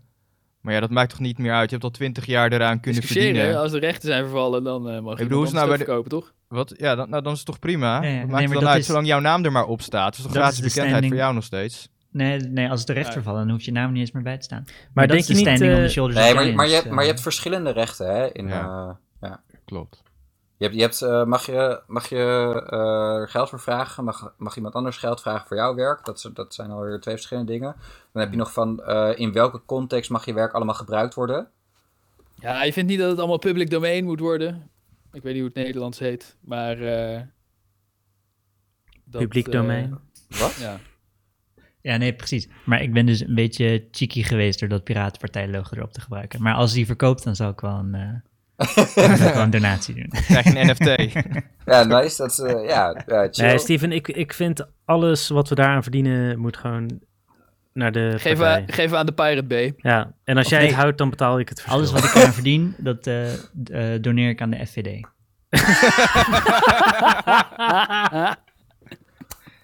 Een sherry. Ja, en nou, ik ben bang dat ze er niet echt eh, van op vakantie kunnen. Nee, dat verwacht ik ook niet. Wat, eh, wat was eigenlijk punt 2 op je cryptolijst? Eh, oh ja, Ether steken. Dat vond ik ook interessant. Dat is gewoon meer interessante, of dit is ook interessante fun fact. Maar dit ehm, dus Ether probeert efficiënter te worden. En daardoor, dus nu worden al die berekeningen van eh, wie doet welke transactie, welke bullshit NFT wordt naar wie overgemaakt. Het wordt allemaal decentraal, chaotisch, wordt dat berekend. Ze willen dat meer centraliseren naar gewoon vaste punten waar computers 24 uur per dag draaien. En om je Daarvoor je te ook... alles door elkaar. Ja, ja, dat is goed. Je mag me- Dit gaat een beetje snel voor sommige van onze luisteraars. Nee, maar dat maakt niet uit. Dan kan je het nee, nog een keer dat, luisteren. dat is toch crypto ten voeten uit? Niemand Ja, moet ja, het begrijpen. ja, ja, het ja, moet ja. juist onduidelijk Het is- blijven. het hoe het blijft- echt werkt. Maar dus de... eh, dus er is nu een... Als je, het, als je hoort wat het plan is, dan, dan denk ik van... Wow, dit is vaag. Eh, dus Ja, mensen, om mensen te overtuigen om hun computer 24 uur per dag beschikbaar te stellen, kan je Ether steken. Eh, dus ik snap niet precies waarom, maar je moet, je moet dan betalen om de eh, software te activeren. Dat is ook een soort van skin in the game manier. En met die software geactiveerd zeg je tegen je computer: Oké, 24 uur per dag ben jij beschikbaar voor Ether-berekeningen. Maar het bedrag wat je daarvoor moet storten aan Ether, aan Ethereum of whatever, eh, is 32 Ether momenteel. Dus Zo. Nee, je legt het helemaal niet goed uit. Dat is toch een paar duizend geen euro? van. Je moet betalen om te mogen minen of zo. Nee, nee, nee, nee. nee. 40.000 kijk. euro. Om mensen te laten minen op jouw computer. Ja, Laat, laat, laat ik het maar gaan nee, uitleggen. nee, nee. Laat me eerst mijn verhaaltjes en dan mag jij je, je Oké. beter- verbetering doen. Dat, je hebt eh Is goed. Chris- Christian's Buzzword Bingo komt na de ether steken in de playlist. Ehm, maar dus, dus je betaalt 32 ether, dat is ongeveer 40.000 eh, euro. Ja. eh, om de software te activeren. En dan wordt jouw computer gebruikt en je krijgt daar een rendement van 8% per jaar op. 8% per jaar dat je je computer een hele jaar aan laat staan. Nou, dat klinkt helemaal fuckers. betrouwbaar. Kan, kan niet Eh, misgaan. En het interessante is dat Ether, Ethereum, of weet die Vitali uh, Burgoljev, die vage gast, Oh, eh, Russische oligarch die jou 8% per jaar aanbiedt. die, Go for die, it. die super skinny dude die er van grappig uitziet. Ehm, die, eh, ze zijn bezig te programmeren. Ze hebben wel geprogrammeerd dat je je geld kan storten. Je kan dus 40.000 naar het overmaken, maar ze hebben nog niet geprogrammeerd dat je je geld terug kan krijgen. en ze zeggen, ja, we gaan dit in de komende twee jaar gaan we dit eh, erin programmeren. Misschien duurt We het iets will add langer. feature. Yes. Ja, we had feature for you. It's, en dan, ze noemen het een soort ruimteschip wat ze aan het bouwen zijn. En dan zodra het ruimteschip compleet is, gaat Ether de hele planeet overnemen. Maar tot die tijd is het een soort van vaag droom waar je 40.000 euro kan storten om je computer aan te sluiten. En dan krijg je 8% eh Ether coins eh, gebakken lucht. Krijg je terug. Ik maar vind je, een, kan, al- je kan alvast eh, deze ruimteschip-metafoor... eh, de- de- je kan alvast benzine in de fik steken, maar er zit nog geen motor mee. Ja, precies. Ja, en, ze, en ze zeggen, en ik, weet je, ik, ik geloof ze op mijn woord ook een soort van. Want ze, ze, ze- die mensen, die Bitcoin-mensen, die vertrouwen er echt in.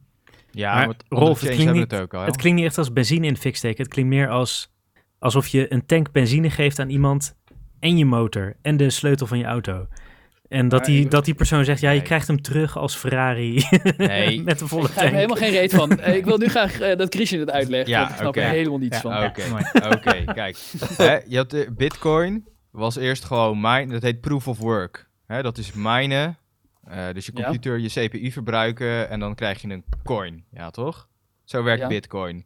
En nu ja, hebben ze dat iets, begreep ik nog. ja, nou, nu hebben ze iets nieuws bedacht. In plaats van proof of work krijg je proof of stake. Dan hoef je niet te minen, kost geen CPU, kost niet zoveel energie. Maar wat je dan doet, je zegt eigenlijk van, ik ga het niet verkopen. Dus ik steek mijn euro's. Hè? Ik leg mijn euro's in. Dat is eigenlijk wat je doet.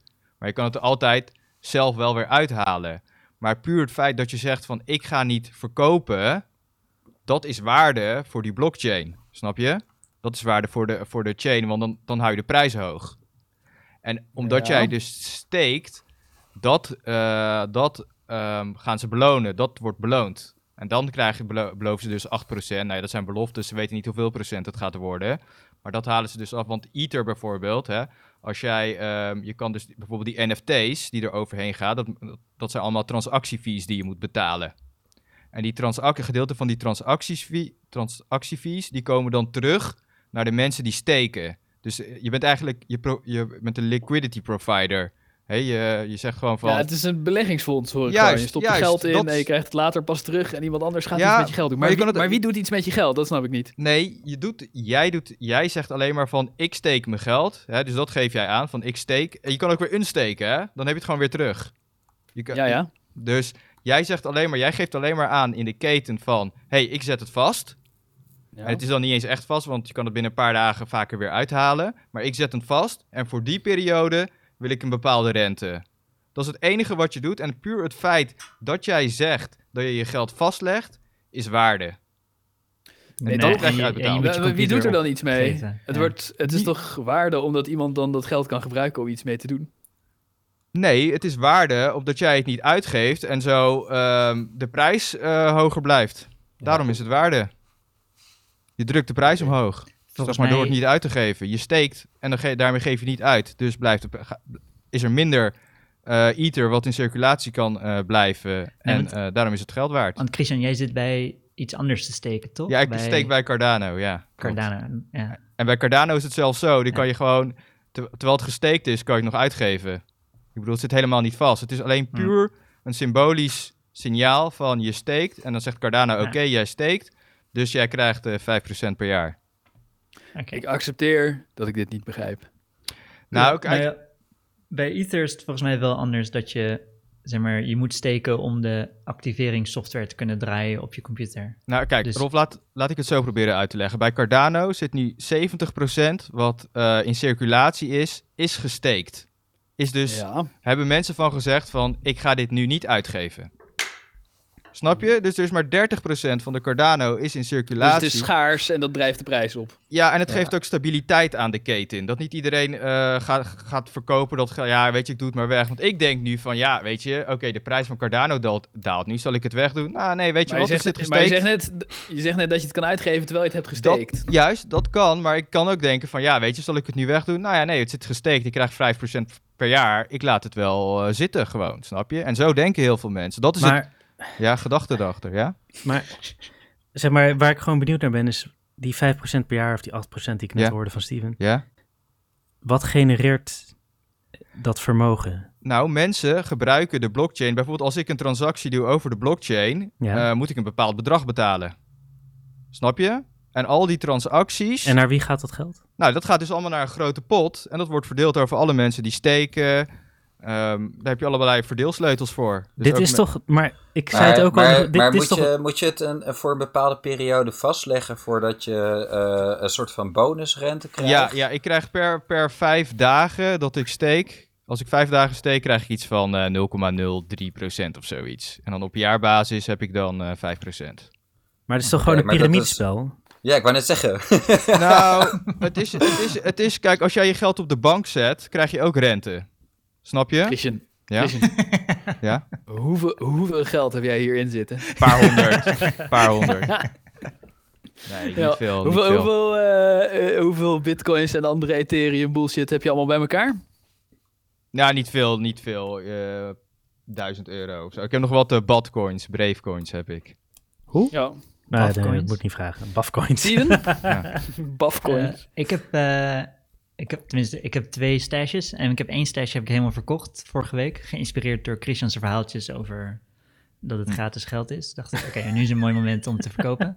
Dus heb ik ongeveer 1000 euro eh, aan bitcoins verkocht. En ik heb nog ongeveer 1000 euro zitten op KuCoin. Maar die willen een foto van mijn paspoort met mijn hoofd erbij. Hm. Om het eraf te halen. Daar heb ik niet zoveel zin in.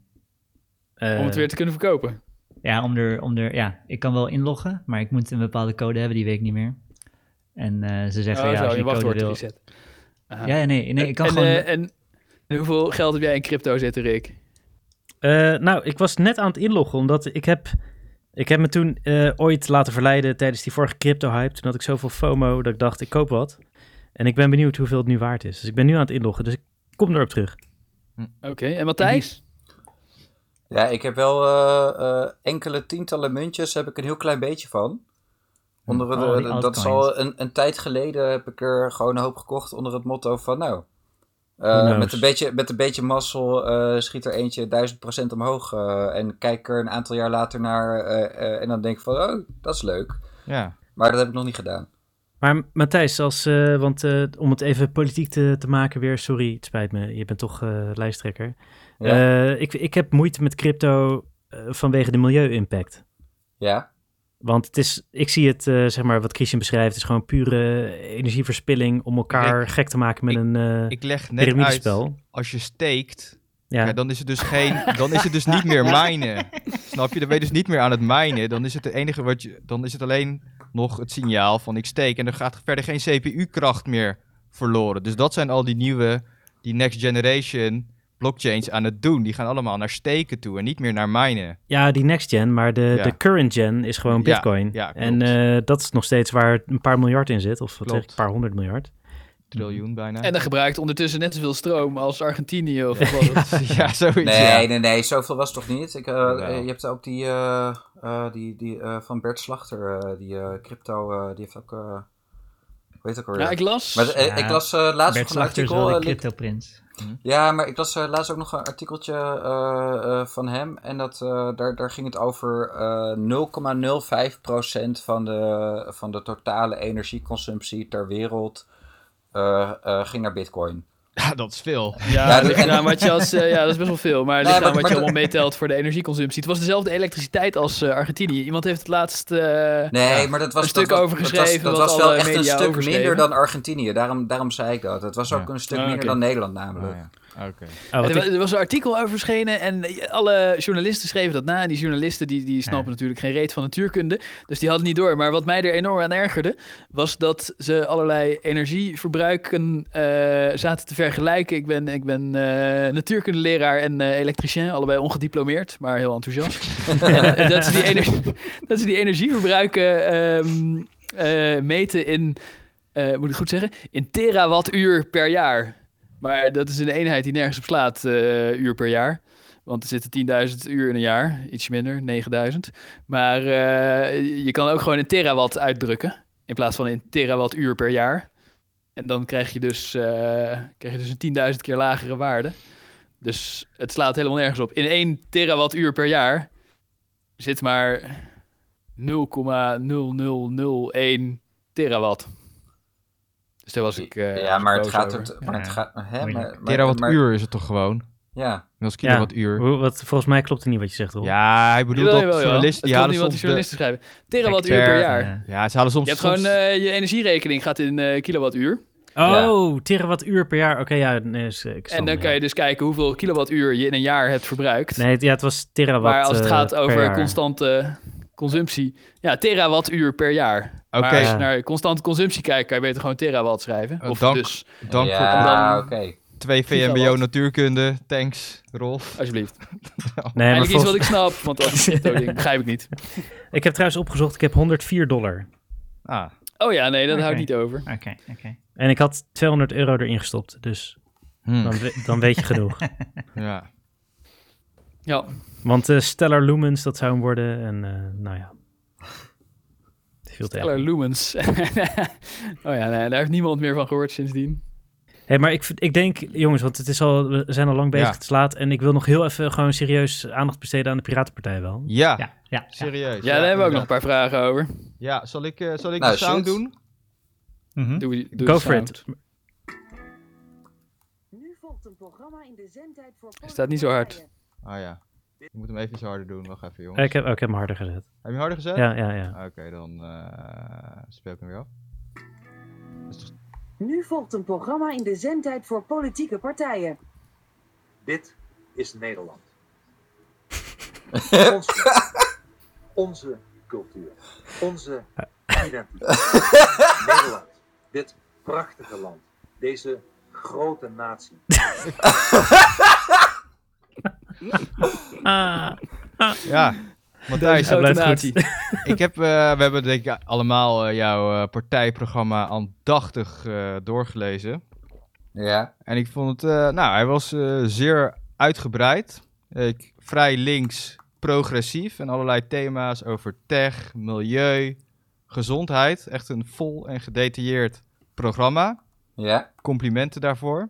thanks. Maar de eerste vraag die ik erover heb, en dat is iets wat ik een, eh, ja, aan het begin van de Piratenpartij ooit eens heb gehoord, is van, ja, als wij erin komen, ehm, stemmen wij met iedereen mee. Dat Met is iedereen ooit, mee. ja, dat is ooit, ooit, ooit, en misschien is- was het Wat? bullshit hoor, misschien was ik aan het trippen, ik weet het niet, maar dat hoorde ik, dat was toen de eerste keer. Wat is dit voor vraag? Nou ja, Nee, maar, maar we- ik, ik denk dat je eh, ergens op doelt over eh, dat wij gewoon heel veel democratische vernieuwingen willen. Dat liquid democracy. Ja, nou, er, er, werd, er werd ooit gezegd, en dat was, was, was toen jullie nog jong waren, toen jullie net begonnen, van ja, ehm, wij zijn een one-issue partij en wij willen dus ons punt eh, erin krijgen. En dat was het enige wat telt. Volgens mij hadden jullie toen ook niet zo'n uitgebreid programma. Toen zeiden van ja, en we stemmen met de rest, boeit ons eigenlijk niet. Dus dan zouden we meestemmen als we in de Kamer zouden komen. Ik denk Maar- eh, dat, dat misschien eh, helemaal in het begin mensen Ja. hebben proberen duidelijk te maken dat we bepaalde kernpunten hebben waar we sowieso nooit van gaan afwijken. En eh, dat, dat de rest eh, een beetje wisgeld was. En dat, was, dat was denk ik eh, meer dan tien jaar geleden Ja. sterker zo dan nu. Ja, precies. Want dat was Maar nog, nog, nog, nog steeds hebben we wel echt een, een duidelijke kern natuurlijk. Ja, En die gaat dan over eh, weet je wel, bescherming van mensenrechten, eh, democratische vernieuwingen, beschermingen van de rechtsstaat, een transparante overheid en natuurlijk vrijheid van informatie. En dat, dat zijn nog steeds wel echt onze, onze kernpunten. Maar ja, als je het, hebt, als je het hebt over basale mensenrechten eh, en, eh, en een stevige rechtsstaat, ja, daar volgt eigenlijk het grootste deel van onze andere punten ook uit. Ja. Ja, dat is Maar het is wel interessant als je eh, je, als je, je eh, sterk op één onderwerp richt, dan eh, kan je waarschijnlijk iedereen meekrijgen die ook dat een heel belangrijk onderwerp vindt. En dan kan het gevaarlijk zijn om ook je te gaan uitspreken over, over de monarchie of eh, de abortus of zo, weet ik veel. Wat je, waar je ook wel een mening over hebt, maar waarmee Nou, je een deel van je eh, achterban zou kunnen vervreemden. Nou, maar euthanasie, dat, is, eh, dat heeft gewoon te maken met zelfbeschikkingsrecht. En zelfbeschikkingsrecht is wel echt een beetje... de- de- Ja, monarchie, zei ik, als- maar maakt niet uit. Nee, je hebt het volgens mij over euthanasie en over monarchie. De monarchie Eh, en dus- abortus, zei ik. Maar het, eh, Ah. eh, het boeit niet. Ik, Ah, bedoelde maar een voorbeeld te geven van een, van een onderwerp waar je ook wel wat van vindt, maar wat niet Ja. per se eh, de, de reden is dat je daar naartoe gaat. En dat, je dan, dat het verstandig zou kunnen zijn om, om je daar niet te sterk over uit te spreken. Want misschien is er iemand die ook de, de digitale wetgeving en de privacy heel belangrijk vindt, maar ook een fan is van Willem-Alexander. En Ja. dat, het niet, dat jij Willem-Alexander niet belangrijk geven, genoeg vindt. Sorry.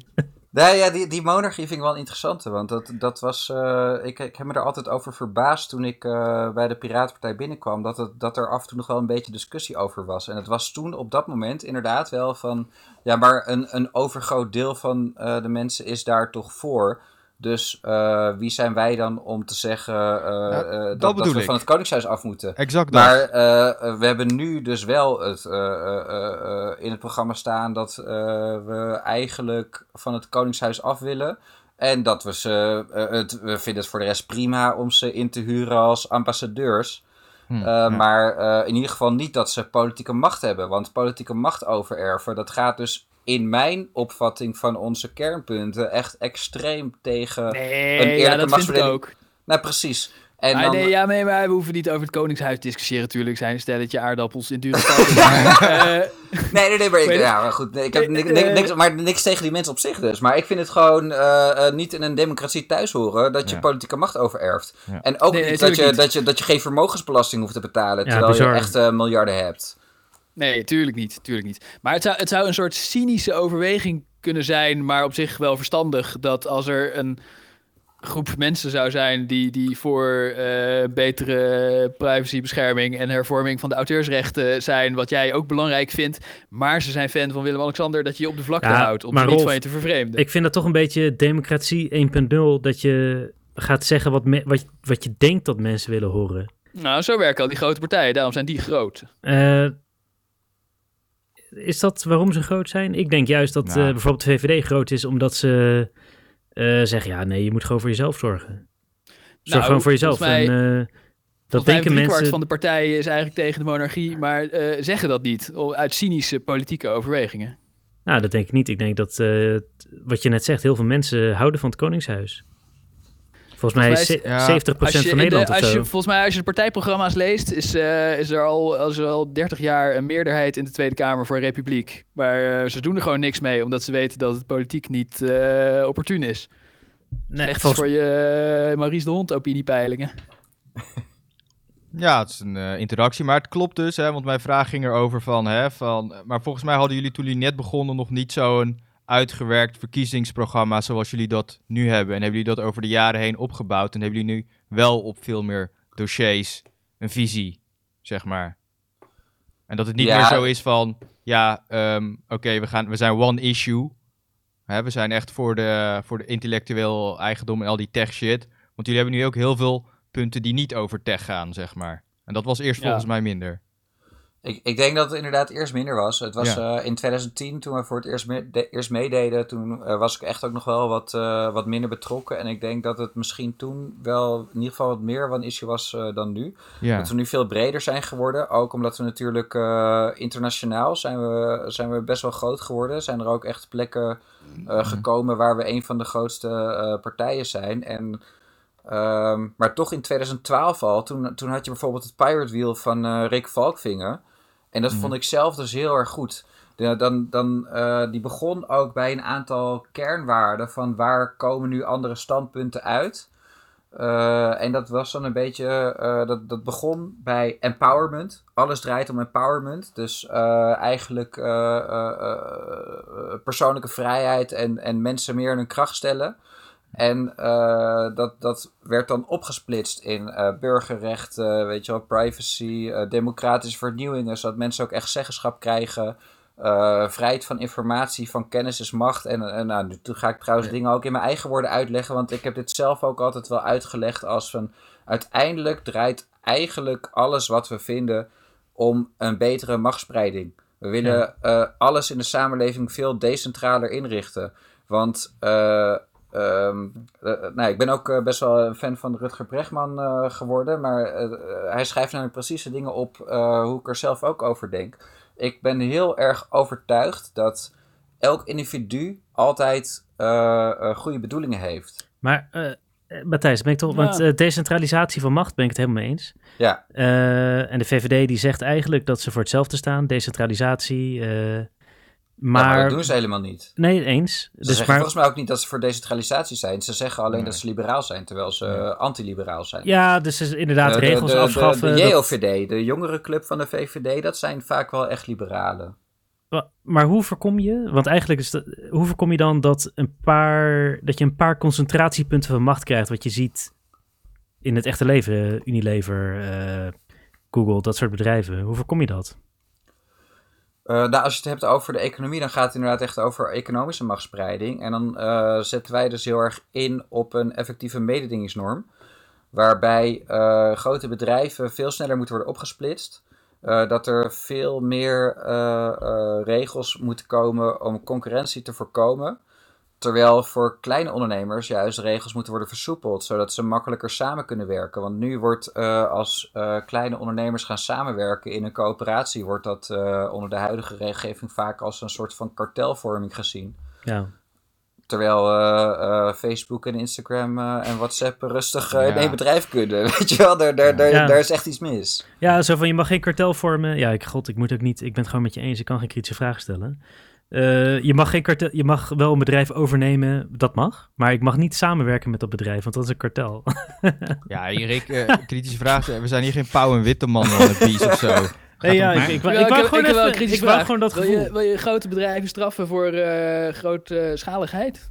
Ja, Wat? Hoe? Maar wat? eh, wat voor, dat? Ik snap kan het toch niet. ook gewoon voor de efficiëntie eh, belangrijk zijn dat bedrijven groot zijn.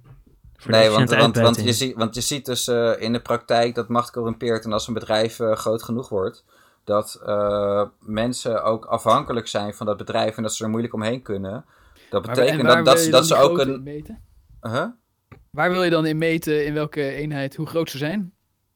Nou, je zou eh, kunnen kijken naar omzet, maar eh, uiteindelijk heb je ook een mededingingsautoriteit om eh, eh, daar verschillende afwegingen te maken. Want je neemt natuurlijk wel meerdere variabelen mee.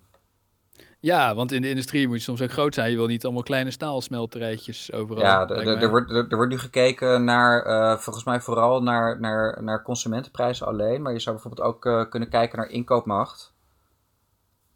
Ja. Ja, en er zijn verschillende manieren van splitsen. Hè? Ik bedoel, net zoals het eh, treinnetwerk gesplitst is van de... Het is totaal niet uitgepakt trouwens, van de Nee. treinleveranciers. Ja, daar slaat het een beetje nergens succes. op. Maar dan moet het gesocialiseerd worden, snap je, vind ik eigenlijk. Ja, maar, je, maar, ja. ja.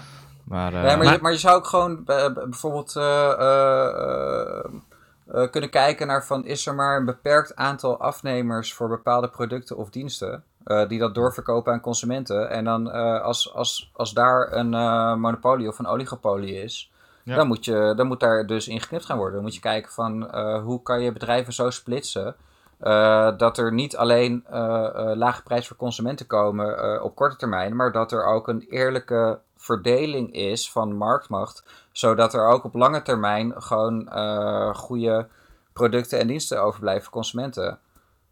Ja. En, en, en bijvoorbeeld ook nu, waar, waar ik me zo aan kan ergeren, is dat dan, dan heb je een of andere oliesheik die gaat investeren in een bedrijf, zoals nou, bijvoorbeeld Uber. En eh, die, die, die pompen daar miljarden in om eh, eh, zo'n bedrijf diensten te laten aanbieden voor marktbedervende prijzen die ze eh, nooit zouden kunnen aanbieden als ze niet gefinancierd werden met het idee jullie gaan jarenlang miljarden verlies draaien, zodat jullie vervolgens een soort van monopoliepositie verwerven. en dan zijn jullie pricing. ja, en, Ja. en dan, dan zijn jullie eh, monopolist. Dan denkt iedereen alleen nog maar aan jullie diensten als ze een ritje ergens heen willen hebben. En dan kunnen jullie dus echt als een eikel gaan gedragen. En als er een orkaan is, dan vraag je gewoon honderd keer zoveel. Want eh, iedereen zit toch aan jullie vast, want er is niks anders meer. Weet je wel, d- dat Ja, soort dingen moet je voorkomen. Dus je moet ook Ja. die marktbedervende prijzen aanpakken, bijvoorbeeld. Ja, want in België is dat eh, verboden, geloof ik. Want ik weet dat eh, een grote grootgutter die ik net ook al noemde, die ging daar een beetje nat omdat ze dachten, oh, we gaan de supermarktoorlog uit Nederland daar verder uitvechten. Maar dat mag niet, want je mag geen dingen onder kostprijs verkopen. Zou je, dat, zou je daarvoor zijn om gewoon dat te verbieden? Ja, ja zeker. Die, die marktbedervende prijzen is echt een van de dingen die we willen aanpakken. En die ik ook nergens anders terug hoorde tot nu toe nog. Maar- dus ik hoop echt Ja. eh, dat, dat anderen dit ook gaan overnemen. Ja, ik, Het ik ben het helemaal met je eens. Ik vind het heel raar om dingen te verkopen die, waar je geen geld aan verdient. Het is gewoon, Wat is de kostprijs van een Uber-rit? Die eh, chauffeur Ja. die eh, verdient weinig, maar wel. nou ja, maar dat is, dus, dat is eigenlijk uitbuiting Maar- tot en met, maar- toch? Hij verdient weinig, hij moet dingen betalen, zijn benzine, zijn auto. Ja, maar, maar los van... Want, nee, nee, want, ik bedoel, want, hij want, wordt eh, want, eh, uitgebuit, maar het is niet zo dat hij meer geld krijgt dan dat jij betaalt omdat eh oliesjeik bijlegt.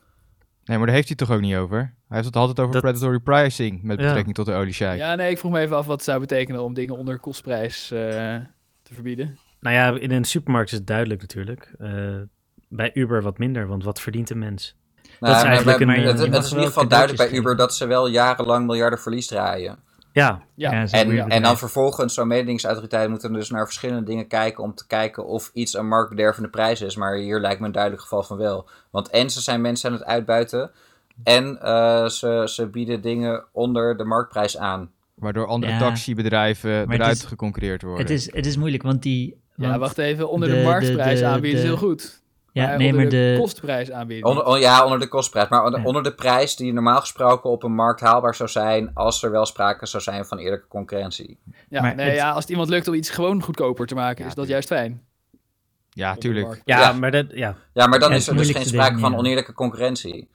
En, en je hebt uiteindelijk dus inderdaad zo'n zo'n eh mededingingsautoriteit nodig om dit soort inschattingen wel op een goede manier te kunnen maken. Dat blijft natuurlijk zo. Dat is nu ook zo. Alleen ehm, eh, zijn eh, heeft hij dus nu een hele beperkte scope. En eh, onder de huidige, huidige mededingingsnorm zijn er een heleboel dingen waarvan je duidelijk kan zeggen: Nou, dit heeft niks meer met, met, een, met een eerlijke markt te maken. Die worden toch toegelaten.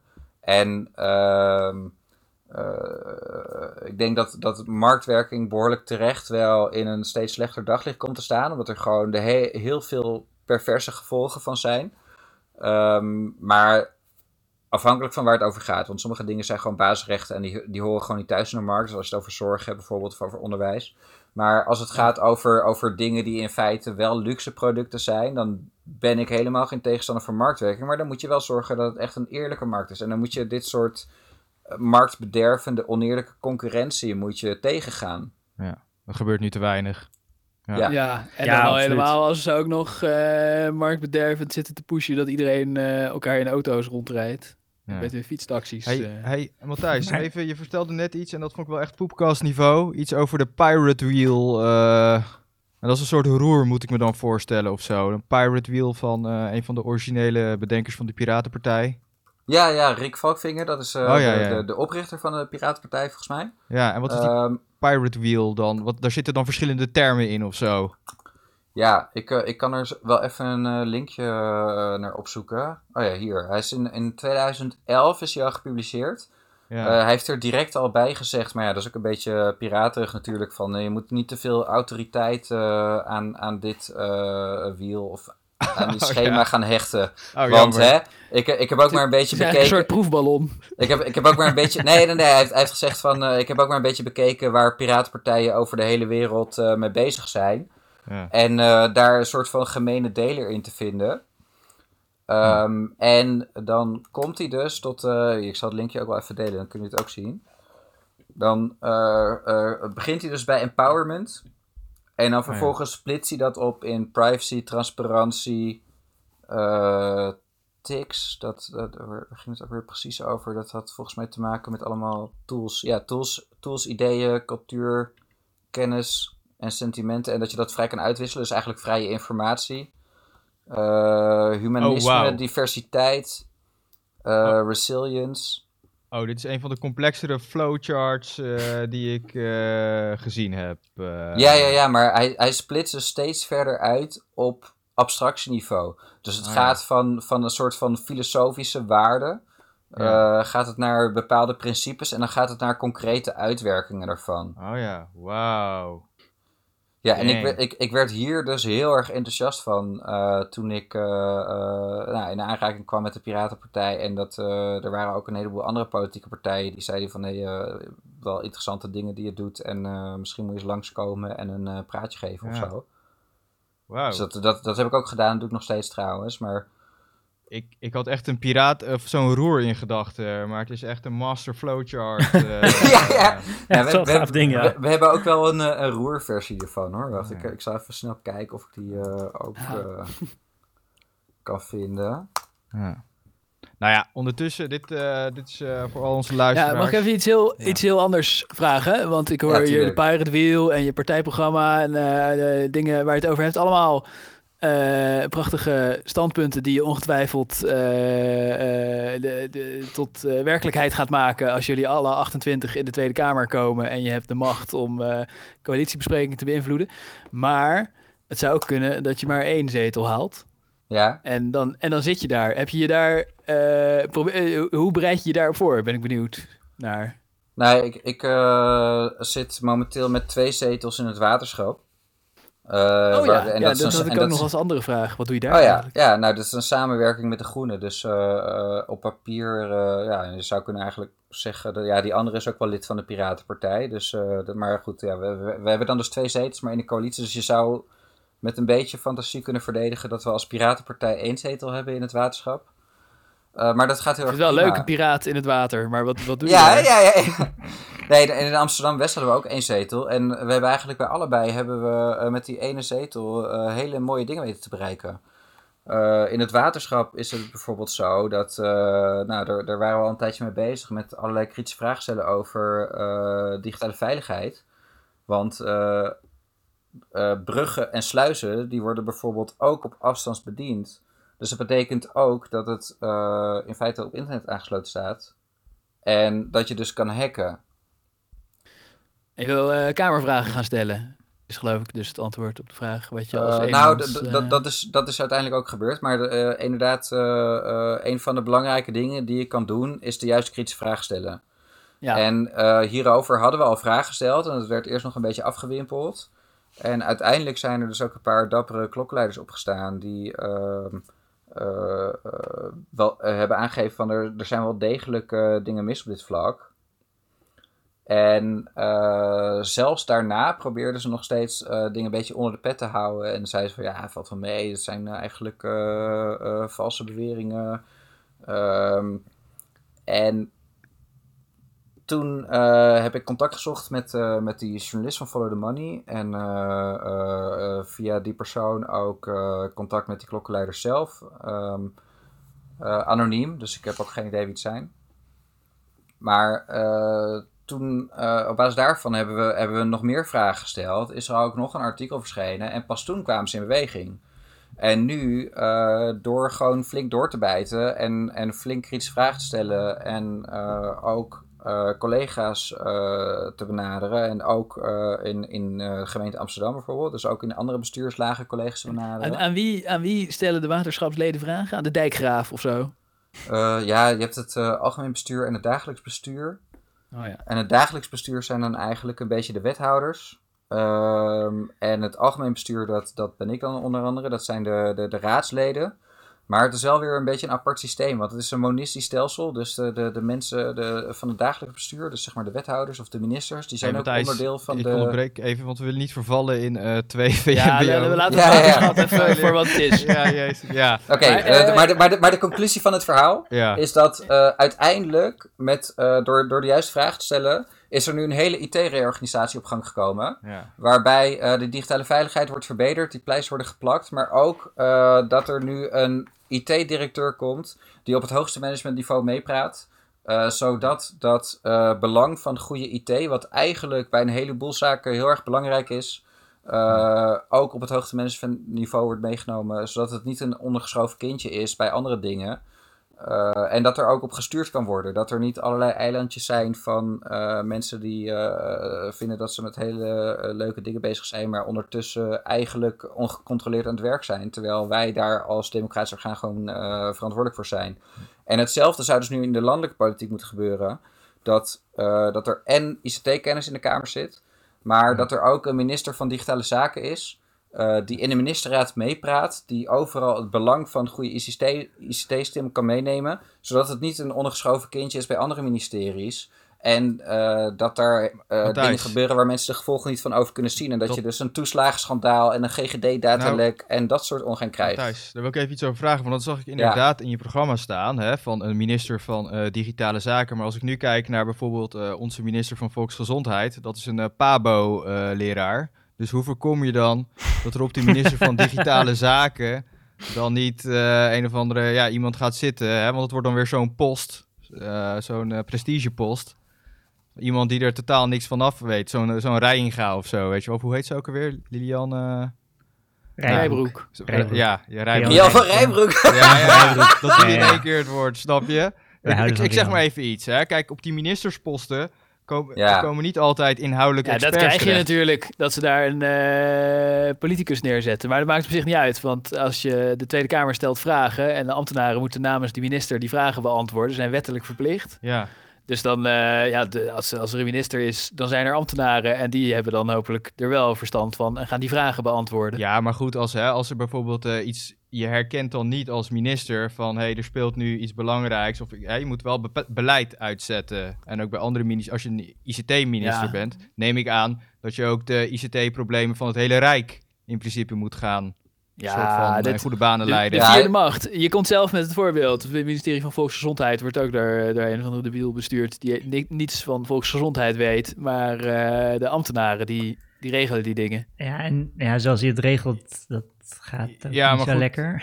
Ja, precies. ik bedoel, eh, hè, er gaan ook eh, daardoor dus ook heel veel dingen mis. En ik, ja, ik zie bij zo'n minister van Digitale Zaken, ja, als een of andere, ja, dan gaat het mis en dan geeft hij zijn ambtenaren weer de schuld. Net zoals we bij de Ja, maar- toeslagenaffaire ook gezien hebben. Oké, ja. jongens, nu wil ik het toch even voor Matthijs opnemen. Want Ja. jullie zeggen, jullie argument is, eh, de bestuurders zijn incompetent, dus je moet geen bestuurders hebben. Nee, nee, nee, nee, nee. Dat is toch geen argument? Je, Nee, je nee, wilt kijk. toch juist...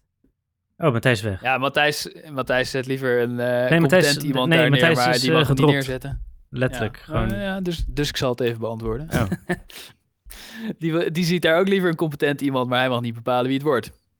Maar hij kan hem in ieder geval kritisch bevragen. Ja, dat Ja, is- ja, daar ben ik Oh, weer. Oh, ja, ja, Is die weer.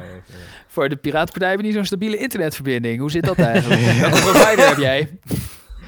Eh, online heb ik. Oh ja, die heb ik ook. Online. Is de cheapste. Ja, eh, ja ik, ben, er- ik, ben, er- ik ben er dus eerlijk gezegd ook niet zo heel erg over te spreken. Want ze hebben Ah. inderdaad ook wel eens, eh, de- ook gewoon, eh, want de tv gaat ook via daar. En dan, eh, soms dan heeft hij in één keer dat hij een paar seconden Waar even woon je? In Amsterdam. Amsterdam, ja. Ja. Ja. Ik Ja, ben net ik heb, ik heb eerder ook wel eens eh, problemen gehad, omdat ik gewoon, eh, dat, dat mijn eh, eh, eh, wifi, eh, dat, dat die kanalen overbezet waren. Eh, dat er ook gewoon, eh, dat het moeilijk op te lossen was. Maar dat is inmiddels eh, gelukkig wel beter nu. Maar heb je niet je eigen wifi-router? Losse. Of gebruik je de online geleverde crap ding? Ja. Hmm. Hmm. Hmm. Echt waar? Zo, vette scoop voor de podcast dit. Ja, ja, ja. Ja, nee, maar, maar nu is het dus best oké. maar dat was, dat was eerder met een andere provider was dat ook wel weer een probleem. Omdat je hier gewoon eh, eh, nou, tussen de 50 en de 100 netwerken naast elkaar hebt. Hey Matthijs, eh, andere vraag, hè? want de eh, Piratenpartij is best wel een eh, Europese partij. Ja, hebben we dat, dat digitale zaken ding, daar, daar zat volgens mij nog een interessant Oh, ding waar, waar, ik op wilde reageren, maar toen vloog ik Nou, eruit. Dus reageer maar. maar, reageer maar. oh ja, eh, eh, ehm, eh, want mensen waren nog aan het praten, maar waar ik dacht van waar dit op uit gaat komen, Mhm. dat ging over dat, dat partijpolitieke benoemingen eigenlijk sowieso echt een gigantisch probleem zijn. Mm, ja, ik vind het, ik vind, ik vind het heel raar dat, Ja. dat eh, ministers en eh, de minister-president dat die uit eh, politieke partijen worden gehaald. Zeker als die mensen eerst op een kieslijst hebben gestaan. En dus Ja. eigenlijk bij de bevolking hebben gesolliciteerd als volksvertegenwoordiger. Ja, precies. Ja, het is heel raar dat je zegt van nee, ik wil graag volksvertegenwoordigen, want ik wil eh, graag jou vertegenwoordigen en eh, eh, eh, Ja. zo eh, kritische vragen stellen en mee beslissen eh, over eh, wat bestuurders bedenken. En dan word je in één keer bestuurder. Ja, Hm. ja, dat is Maar dat is een beetje toch- raar. Wil je dan een Engels Nou, ja, systeem? Ja, het is een beetje raar, maar het is toch inherent aan democratie dat eh, de bevolking mag de eigen regering kiezen. Maar ja, ze hebben eigenlijk geen verstand van wie het het beste zou kunnen doen. Nee, als, Dus je, als, de bevolking de eigen, regering. als de bevolking de eigen regering zou mogen kiezen, dan eh, zou er een eh, directe verkiezing voor ministers moeten zijn. Dat is Ja, ook een systeem. klopt. Ik weet, niet- ik weet niet zeker of dat per se een nou, beter idee is ja, hoor. dat maar- lijkt me nog erger. Dat zou nog erger Engels zijn. systeem, de Engels systeem, dat... eh, Nee, het Engelse systeem dat is ook met eh, districten en zo. Dat is ook echt. eh, maar districten zijn eh ondemocratisch. Ja, maar je, je, je, bedoelt dus een zakenkabinet. Daar ben je wel voorstander van. Eh, Nou, dat Ehm, vakmensen ministers zijn. is ook wel lastig, ik, toch? Ik, Want, ik ja. vind in ieder geval dat, dat eh, publieke functies, eh, dat dat geen partijpolitieke benoemingen moeten zijn. Ja. Nu is het vaak Maar zo dat als je, als, je, als je genoeg carrière hebt gemaakt binnen een politieke partij, dan, Ja. eh, dan word je ergens op een, op een post gedropt. En Ja. eh, dat heeft er eh, nog wel eens eh, meer mee te maken met hoeveel flyers je hebt uitgedeeld en hoeveel je hebt ingezet dan of je kwaliteit hebt. nou ja, Ja. dan, dan met, met kwaliteit om echt je goed je werk te kunnen doen in die functie. En daarom zou het dus een- volgens mij in ieder geval beter zijn, hoe, ik, hoe ik het zelf voor me zie, is via een soort van open en transpar- transparante sollicitatieprocedure, waar Oh ja. iedereen dan aan mee kan doen. Eh, dan kan ik me dus ook heel goed voorstellen dat er eh, eh, bestuurders met eh, gewoon bewezen ervaring in het zijn van een goede bestuurder en eh, het kunnen zit, afwegen ja, van wie- verschillende wie belangen en die ook bij elkaar brengen. maar en, De- en binnen Ja, de dat, dat, dat zou dan dus een, eh, eh, een, een. Omdat het al heel open en transparant is, ontstaat er dan al publieke druk natuurlijk. Dus in die zin eh, heeft de bevolking dan al veel meer invloed. En, En denk jij zou... dat de publieke druk zou toedrukken richting de meest capabele kandidaten? Daar ben ik een beetje bezorgd over. Nou, precies, dat, dat, dat is de vraag en dat is de afweging die iedereen kan maken. Maar ik ben er uiteindelijk eh, wel van overtuigd dat dat in ieder geval beter gaat dan eh, of je je best hebt gedaan voor een partij. Omdat eh, een, een probleem in een democratie is ook wel de particratie. Hè? Dus dat ehm, je wilt de macht zo goed mogelijk over mensen verdelen. En eh, nu heb je een klein aantal politieke partijen waarin het partijbestuur eigenlijk heel erg machtig is. Die bepalen voor een groot deel wie er op welke posities komt. En Ja. dan zie je bijvoorbeeld bij zo'n VVD-congres en dan, dan gaat het over drugsbeleid. En eh, de VVD, de, de leden zijn vaak best wel liberaal. Ook de actieve leden zijn best wel liberaal. Die eh, willen dan een vrijer drugsbeleid. En eh, dan gaan ze alle kopstukken inzetten op zo'n congres om dan eh, toch tegen een voorstel eh, te stemmen die het een klein stukje vrijer zou maken dan wat de VVD nu wil op papier. Terwijl de leden eigenlijk eh, toch wel voor een groot deel eh, eh, eh, meer de goede kant op willen. Hm. En waarom doen ze dat, denk je? Omdat ze denken dat ze, dat ze uiteindelijk meer electoraal succes halen als ze dat toch zo doen. Ja. Ik Ja, denk ik ook dat nog het een heel ordinair is. Maar, Van, maar ook, maar ook eh, een, een probleem hiervan is dat je, als, als je constateert dat eh, de partijbesturen van politieke partijen eigenlijk heel erg machtig zijn. En je hebt een x aantal grote partijen, nou een stuk of eh, zeven. Of, maar ja. ik, ik, ik, ik, heb, een- Oh. ik heb een vraag over, over, dat, eh, over die bestuurders en zo. Want, Ja, VMBO. oké, dus ik vind het programma van de Piratenpartij vind ik, vind ik fucking vet. ja. Maar dan kijk ik naar wie er op de kieslijst staan. En dan, eh, dan denk ik, hebben die mensen wel genoeg ervaring om echt hun tanden te laten zien binnen de Tweede Kamer? En dan, dan denk ik, kunnen ze wel, kunnen ze wel al die politieke spelletjes eh, die daar gespeeld worden, kunnen ze die wel aan? En dan denk ik, ah, En waar alle mensen met ervaring zitten bij de CDA en de VVD en zo. Wat bedoel je? Ja, ja, ik weet niet precies wat ik bedoel, maar ik denk altijd van, van ehm, zeg maar, je hebt, ja, aan de ene kant heb je je partijprogramma, eh, maar dat is maar, weet ik veel, 50% van het belang. En de rest van het belang is eh, dat het een bepaald type mensen zijn die ook binnen dat politiek systeem eh, veel voor elkaar kunnen brengen. En die plannen veranderen altijd onderweg. Weet je, en je hebt altijd supergrote idealen als je begint. En dan kom je de politiek in en dan oh, moet er toch een soort compromis gesloten worden. En eh, het gevoel dat ik krijg is dat het de grote partijen dan wel lukt om meer richting zichzelf. En de kleine partijen worden dan altijd een beetje afgeblaft. Nou, Ja. eh, wat in ieder geval zo is, is dat we eh, overal waar we in Nederland één of twee zetels hadden, dat we daar superveel wisten te bereiken. Omdat eigenlijk iedereen ook wel zag dat wij een heleboel kennis inbrachten. En met die kennis kan je volgens ook weer je, je collega's of je con-collega's, hoe je het wil noemen, overtuigen. En eh, dat wordt gewoon heel erg gewaardeerd. En sterker nog, zelfs in verkiezingen waar we geen zetel haalden, eh, werden heel veel van onze punten overgenomen. Ook al zaten we niet eens. klopt. eh, ja. Gaat En- over gemeenteraadsverkiezingen of...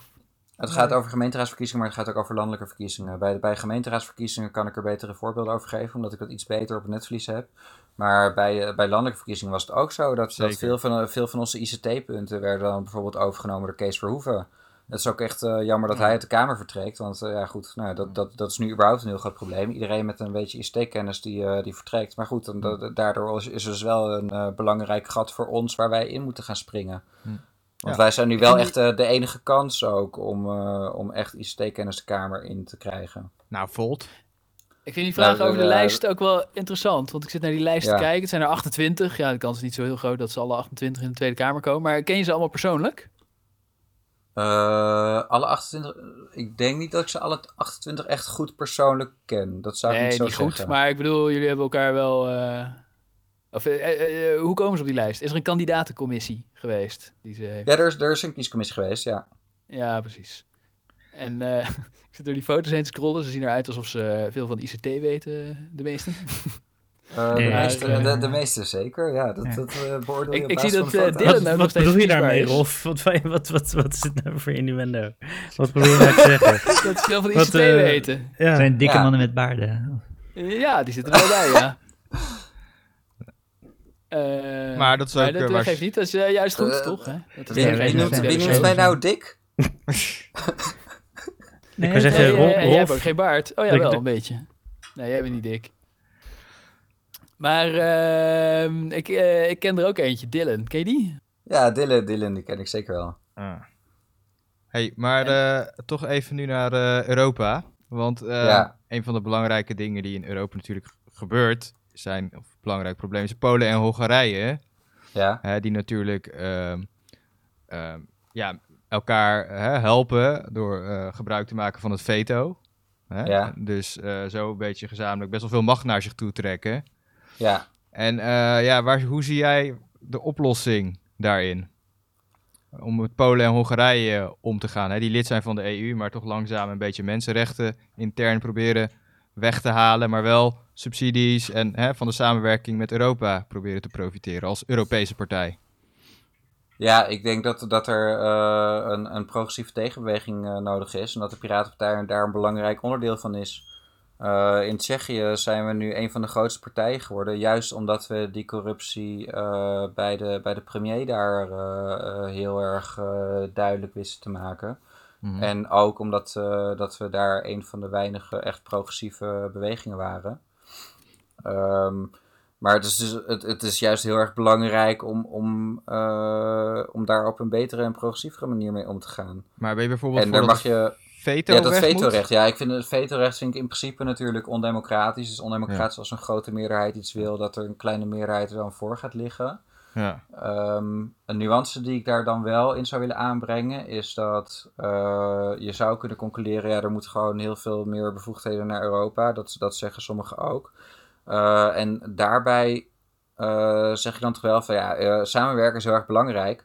Maar met de huidige situatie, waarbij er toch ook wel wat valt te zeggen over eh, de mate van democratische controle in de EU, de mate van Ja. transparantie en maar vooral ook de, eh, de gebrekkige aandacht die ervoor is, eh, vind ik het nog wel ergens een beetje gevaarlijk om te zeggen van we moeten nu alles op EU-niveau gaan beslissen. Want als je een, een gebrekkige democratische controle en een gebrekkige media-aandacht hebt voor wat er daar precies gebeurt, dan ben je als politicus heel erg kwetsbaar voor de lobbymacht van grote bedrijven. Ja, en wij, willen, wij willen juist overal eh, eh, een veel sterkere burgerlobby. Dus eh, be- beslis zo lokaal mogelijk en werk samen waar het kan. Hey, en een van de andere in- dingen die ik zag qua Europa, interessant in jullie partijprogramma, is voor asielzoekers vrijheid van vestiging. Dus als ze eenmaal Europa binnen zijn, dat ze zich, zo interpreteerde ik, dat ze zich overal mogen vestigen. Maar gaan ze dan niet allemaal naar Nederland, naar alle rijke Europese landen toe? Nou, weet ik niet, want eh, op het moment, eh, ja, eh, eh, als, je- als je de filosofische discussie gaat voeren, dan, dan vind ik landsgrenzen eigenlijk totaal onzinnig. Oké. Oh, dus je hebt Maar maar... is het nu toch ook, als ze Europa eenmaal binnen zijn, dan kan je gaan zitten waar je Ja, voor, voor een groot deel al wel. Dus ik denk ook dat het, eh, dat het best wel meevalt. Mensen die, die eh, creëren altijd een beetje schrikbeelden ervan.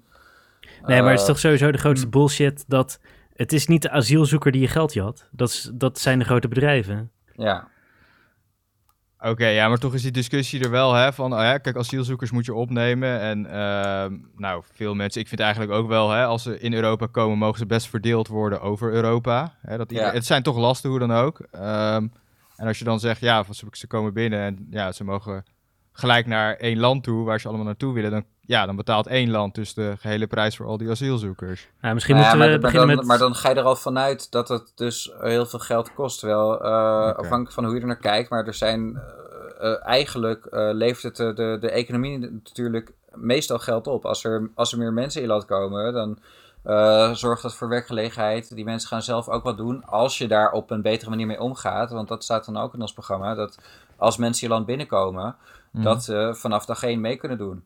Dus dat ze ook Ja. mogen gaan werken. En eh, een van de grote problemen die er nu is, is dat eh, mensen in een soort kamp terechtkomen.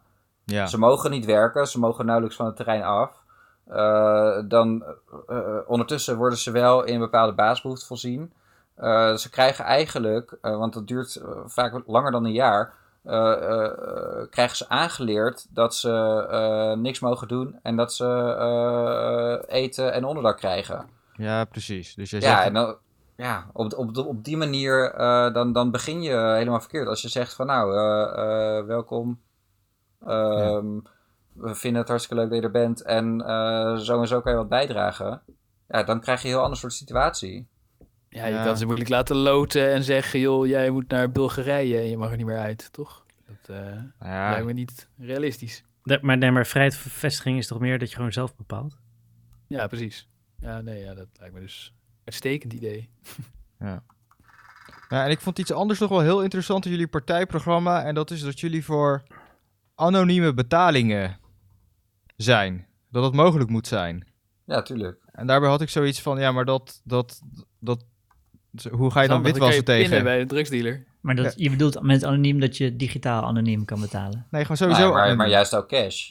ja, Ook, ook, Ja, maar eh, cash is toch sowieso- Je kan nu toch ook al anoniem cash betalen? nou, niet dat, grote eh, bedragen. Nou, maar dat staat wel steeds meer onder druk, hè? Ja. Ja, omdat Ja. er geen markt meer is voor cash. Omdat iedereen wacht digitaal even. betaalt. Nee, maar, ook, ook omdat eh, banken, die hebben er heel veel baat bij als jij geen cash meer kan betalen. Want eh, cash betalen is eigenlijk, eh, behalve dan misschien crypto, maar eh, een van de weinige manieren waarop je een betaling kan doen zonder dat een bank eerst toestemming moet geven. En als voor elke financiële transactie een instituut toestemming moet geven, geef je daarmee dat instituut heel veel macht. En, en, Mhm. en, en, en dan, ik zie allerlei problemen ontstaan als banken echt zo machtig worden dat ze voor elke betaling toestemming moeten geven. Want je zag bijvoorbeeld ook bij, eh, bij Wikileaks dat in één keer gewoon een account eh, wordt bevrozen. Mhm. om de, ja, ja, die omdat zijn genaaid. Ja. ja. Maar, Maar, goed, dan nog steeds het probleem, hè? Van, maar je, wil eh, dan, je wil dan anonieme betalingen digitaal die buiten banken, of die door banken anoniem worden. Nou, allebei. We zijn, we zijn en enthousiast over eh, complementaire munten of com- com- eh, complementaire be- betalingssystemen naast de gangbare systemen. Dus dat om is op die manier, in ieder geval, ja, zoals Bitcoin onder andere ook. eh, maar ook andere digitale munten, of, maar ook bijvoorbeeld fysieke munten. Je hebt ook wel eens een, een weet je wel, zo'n buurtmunt en dan doe je iets goeds voor de buurt en dan Oh ja, op dat moment... Zat eh, mijn moeder bij. wat? Dat is wel kicken. welk systeem? De LEDs, eh, Local Economic Transaction System. Dus dan eh, is gewoon eh, speelgeld voor arme mensen. Dus dan eh gaf dat je zij, elkaar zij doet, eh, uitlaat. En, eh, ja, ja, zij gaf Alexander Ja, ja. techniekles. En eh, daar was ze fucking overpriced in. En dan ging ze daarmee gratis naar de kapper. Ah, ja. Ja, nee, maar, maar dat, soort, dat soort systemen zijn er dus ook. En dat is gewoon een hele leuke manier om de lokale economie te, eh, te, te stimuleren. Maar het is ook eh, eh, goed om eh, betalingssystemen te hebben waarbij je in ieder geval geen toestemming hoeft te vragen aan een bank voor een transactie. Nou ja, kijk, dat hoeft eh, sowieso niet, hè. eh, toestemming vragen aan een bank. Maar het gaat meer om anoniem, hè. Ik bedoel, als ik eh, zwart geld, hè. Ik bedoel, als ik bijvoorbeeld eh, criminelen, die hou je tegen dat ze geen allerlei huizen en allerlei investeringen kunnen gaan doen met zwart geld. ehm, door ze niet anoniem te laten betalen. Hè. Je wil altijd weten van, daarom wil je weten waar grote geldstromen vandaan Ja, of komen, grote bedrijven die gewoon hun geld wegpompen naar het buitenland. Ja, dus, dus, ik, dus ja, je kan witwassen en allerlei eh, geld, eh, ja, trucjes eh, die je niet wilt. Inderdaad, belasting ontwijken. Dat wordt met anoniem betalen wel makkelijker. Ja, maar denk je dat het echte grote geld, dat die niet sowieso eh, in de huidige wetgeving allerlei sluiproutes weet te vinden? Jawel. Ja, Ja, en- maar dan je- en- dat is toch maar denk, je, eigenlijk- maar denk je ook niet dat eh, eh, juist normale mensen eh, vooral onder een gigantische surveillance komen te staan op het moment dat dat soort dingen op papier onmogelijk worden gemaakt en eigenlijk voor gewone mensen onmogelijk worden gemaakt? En dan gaat het bijvoorbeeld over eh, dat je maar hele beperkt eh, bedragen mag pinnen of dat de pinautomaten s'nachts dichtgaan, weet je wel? Met al, Ja, ik heb het echt over anoniem betalen, hè. Kijk, dus Ja. ehm, ik vind dat je zoveel mo- moet eh, kunnen pinnen als jij wilt. Maar als ik bijvoorbeeld Ja. een huis wil kopen, ehm, ja, ik vind niet dat dat anoniem zou moeten kunnen. Zeg maar dat niemand weet wie dat huis gekocht heeft. Ik denk, ik zou liever transparantie maar zien dan anonimiteit. anoniem- eh, eh, een huis is sowieso nooit anoniem, toch, dat je het koopt? Nou ja, ik, ik haalde uit jullie partijprogramma hè, anoniem betalen mogelijk maken. En ik dacht van, ja, god, ehm, ja, dat betekent dat ik anoniem een huis kan kopen. Toch? Nee, dat, dat, nee dat, gaat er, Oh. dat gaat er meer over eh, eh, het recht op eh, anonieme transacties. Dat je bij, gewoon bij de supermarkt met cash kan betalen. Oh, dat bedoelen jullie. Oh, Oké, nou dat is dan misschien een tip om dat misschien Ja, kijk, als- als- als- duidelijker... Als het gaat over enorme transacties, is het ook gewoon wel belangrijk dat er een bepaald register bestaat. Ja, ja, ja, precies. Nee, oké. Nee, dat, dat is dan misschien iets wat nog ter verbetering is eh, voor jullie Ja, want eh, anders snapt. Christian het niet en dan wil hij niet Ja, meer dus stemmen. ik, ik, ik denk dat we ook wel het een en ander zeggen over, over financiële transparantie eh, in een heleboel gevallen. Dus ik denk Ja. dat, het, dat het er al wel aardig in staat hoor. Oké, nou, Hey, ik maar- haal het in ieder geval zo eruit. Ja. Hey, Bo- Ja, ja oké. Ja. Nou chill voor de, dat het wat is dan. Ja. zullen we er eh, langzaamaan een candlelightje aan breien? Nou, ik Nou- heb nog een paar hele belangrijke vragen. ja, Oh, echt? ja. Ja, zeker. Maar het is Eh, half twaalf en ik wil naar bed, want ik moet morgen gewoon werken. We zijn al drie Ja, uur aan het ook. opnemen, hè? Maar we zijn, eh, we zijn het land aan het redden. Hoezo moet jij werken? Scholen zijn dicht. Rolf, Rolf, nog één vraag Nee, wel. nee, nee. Oké. eh, ja, kut. Moet ik kiezen van deze drie. Eh, Ja. Moet de Pirate Bay weer legaal worden? Ja, maar dan moet, eh, als, als, als dat zo zou zijn, dan moeten ze zich wel een beetje anders gaan gedragen. Want de mensen die de Pirate Bay hebben opgericht, zijn ook niet zo erg enthousiast over wat de Pirate Bay nu doet. En eh maar jullie hebben wel, mij... op jullie sites wel dat logo van de Pirate Bay. Toch? Ik zie zo'n piratenschip, dus eh, dat associeer ik meteen met de Pirate Bay. Volgens mij is bijna letterlijk hetzelfde Maar dat piratenschip. kan, maar misschien heeft de Pirate Bay dat wel van de piratenbeweging en hebben ze dat nooit aangepast. Ah. Maar de oprichters van de Pirate Bay die zijn volgens mij ook niet zo erg enthousiast over eh, waar de Pirate Bay later mee eh, aan de slag is gegaan. Die hebben er volgens mij ook niet zo heel veel meer mee te maken, omdat ze op een gegeven moment dus wel geld zijn gaan verdienen aan het aanbieden van werk van anderen. En dat, dat, dat vinden wij zelf eigenlijk ook niet oké. Maar de oprichters van de Pirate Bay en vooral eh, Peter Soende, dat is wel, eh, daar zou ik even naar kijken waar hij allemaal bezig is, want die doet ook gewoon vette kunstprojecten en die heeft hele goede ideeën. Oh ja. Mooi. Nou, korte ja-nee-vraag. Moet de avondklok door? Nee, want die is echt gewoon heel erg slecht onderbouwd. En dat soort extreem vrijheidsbeperkende maatregelen mag je alleen doen als je dat heel goed weet te onderbouwen. En als er echt geen andere optie is en dat het overduidelijk is. Wat is de ergste crisis? Corona, klimaat of obesitas?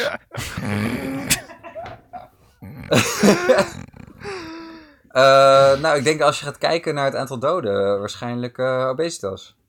Ja, ik denk het ook. Ja, nou, het hangt ook alle drie samen natuurlijk. Als je die bestrijdt, Ja, bestrijd je ja, de ja, andere ja. twee ook vanzelf. Ja, Hey, Matthijs, ik waarschuw je. Er is een aflevering waarin Rolf een, eh, een soort kelderbunker betoogt... waarin we dikke mensen opsluiten zonder McDonald's of zo. Ah, En dat dan... maak jij er weer van. Ik wou ze beschermen tegen corona. Oh ja. Ja, ja, ja, ja. Het was- right. En, ju- was- en juist met McDonald's. Ik wou net zeggen, waarom, waarom wil je ze dan McDonald's onthouden? Ja, nee, ik, ik leg het ook helemaal Nee, verkeerd nee, uit. dat wou ik juist gebruiken om ze daar naartoe te lokken. Het was, het was helemaal een beschaafdzinnig betoog. Het, eh, Ja, aan mij. inderdaad. Ja, dat dat, dat, eh, bunkerplan zal ik nog een keer uitleggen. Dat is goed. eh, kun je dat even wat vragen over aan de minister stellen? en Christian, jij wilde ook nog één uitsmijter, toch? Ja, want ik zag in jullie eh, programma ook nog staan, hè, maak Nederland eh, schuldvrij. Hè, dus Ja. eh, wan- wanpraktijken van incassobureaus Jubel, jubeljaar. Ja, Ja, het NIDA, zeker. Ja. Jubeljaar. het NIDA heeft het jubeljaar van Mozes. Waarom doen jullie niet dat? Hè, dat is alle schulden eens in de 49 jaar kwijtschelden. En dan 2025 zou het eerste jaar zijn. Waarom eens in de 49 jaar? Ja, ik weet het Want niet. Bijbel. Of iets, iets eh, bijbels of zo. Niet wij- Ja, Nou, wij, wij pretenderen in ieder geval niet dat wij nu eh, helemaal zien hoe de maatschappij eruit ziet over 49 jaar. En eh, ik kan me heel goed voorstellen dat, eh, dat het ook wel beter kan zijn eh, om eh, over een paar jaar opnieuw een hoop schulden kwijt te schelden. Sterker nog, ik denk dat je daar eh, gewoon regelmatig naar moet blijven kijken. Omdat eh, mensen in schulden nu vaak ook heel veel hulpverlening nodig hebben.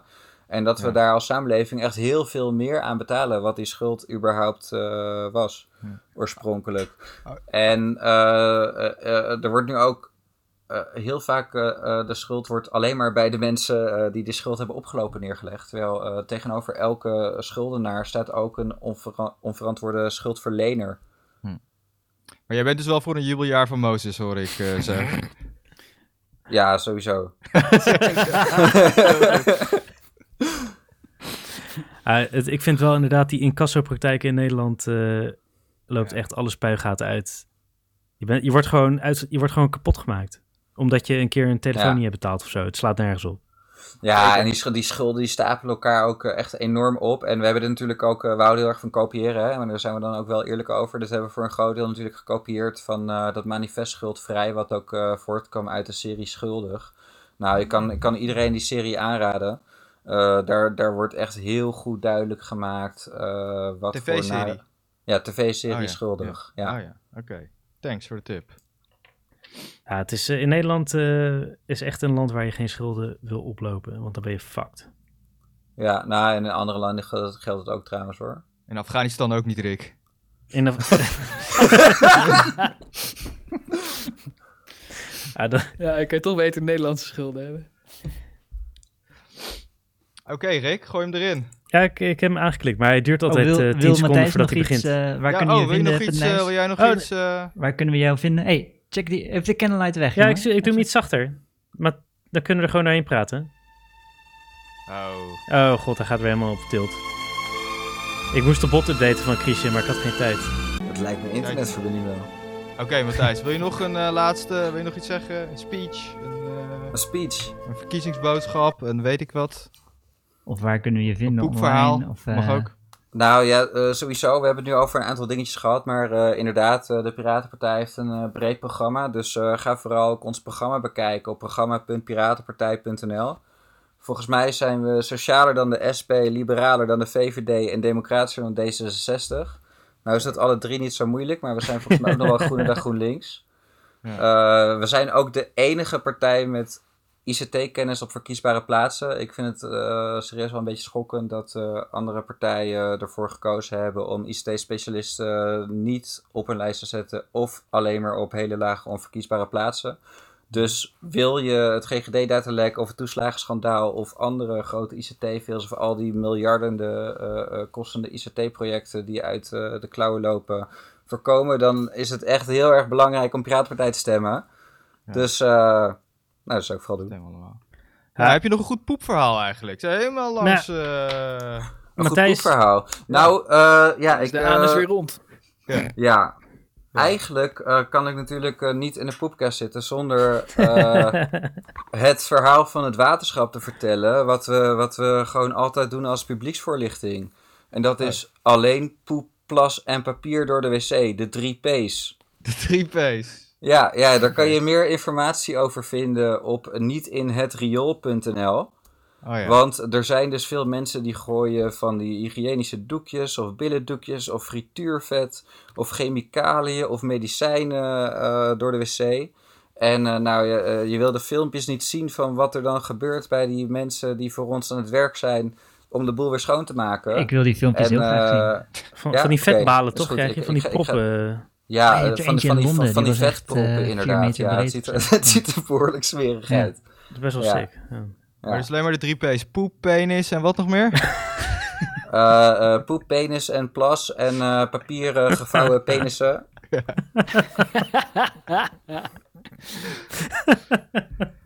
Maar mag ik mijn, eh, mag ik mijn vaatwasmachine nog wel op het riool aansluiten?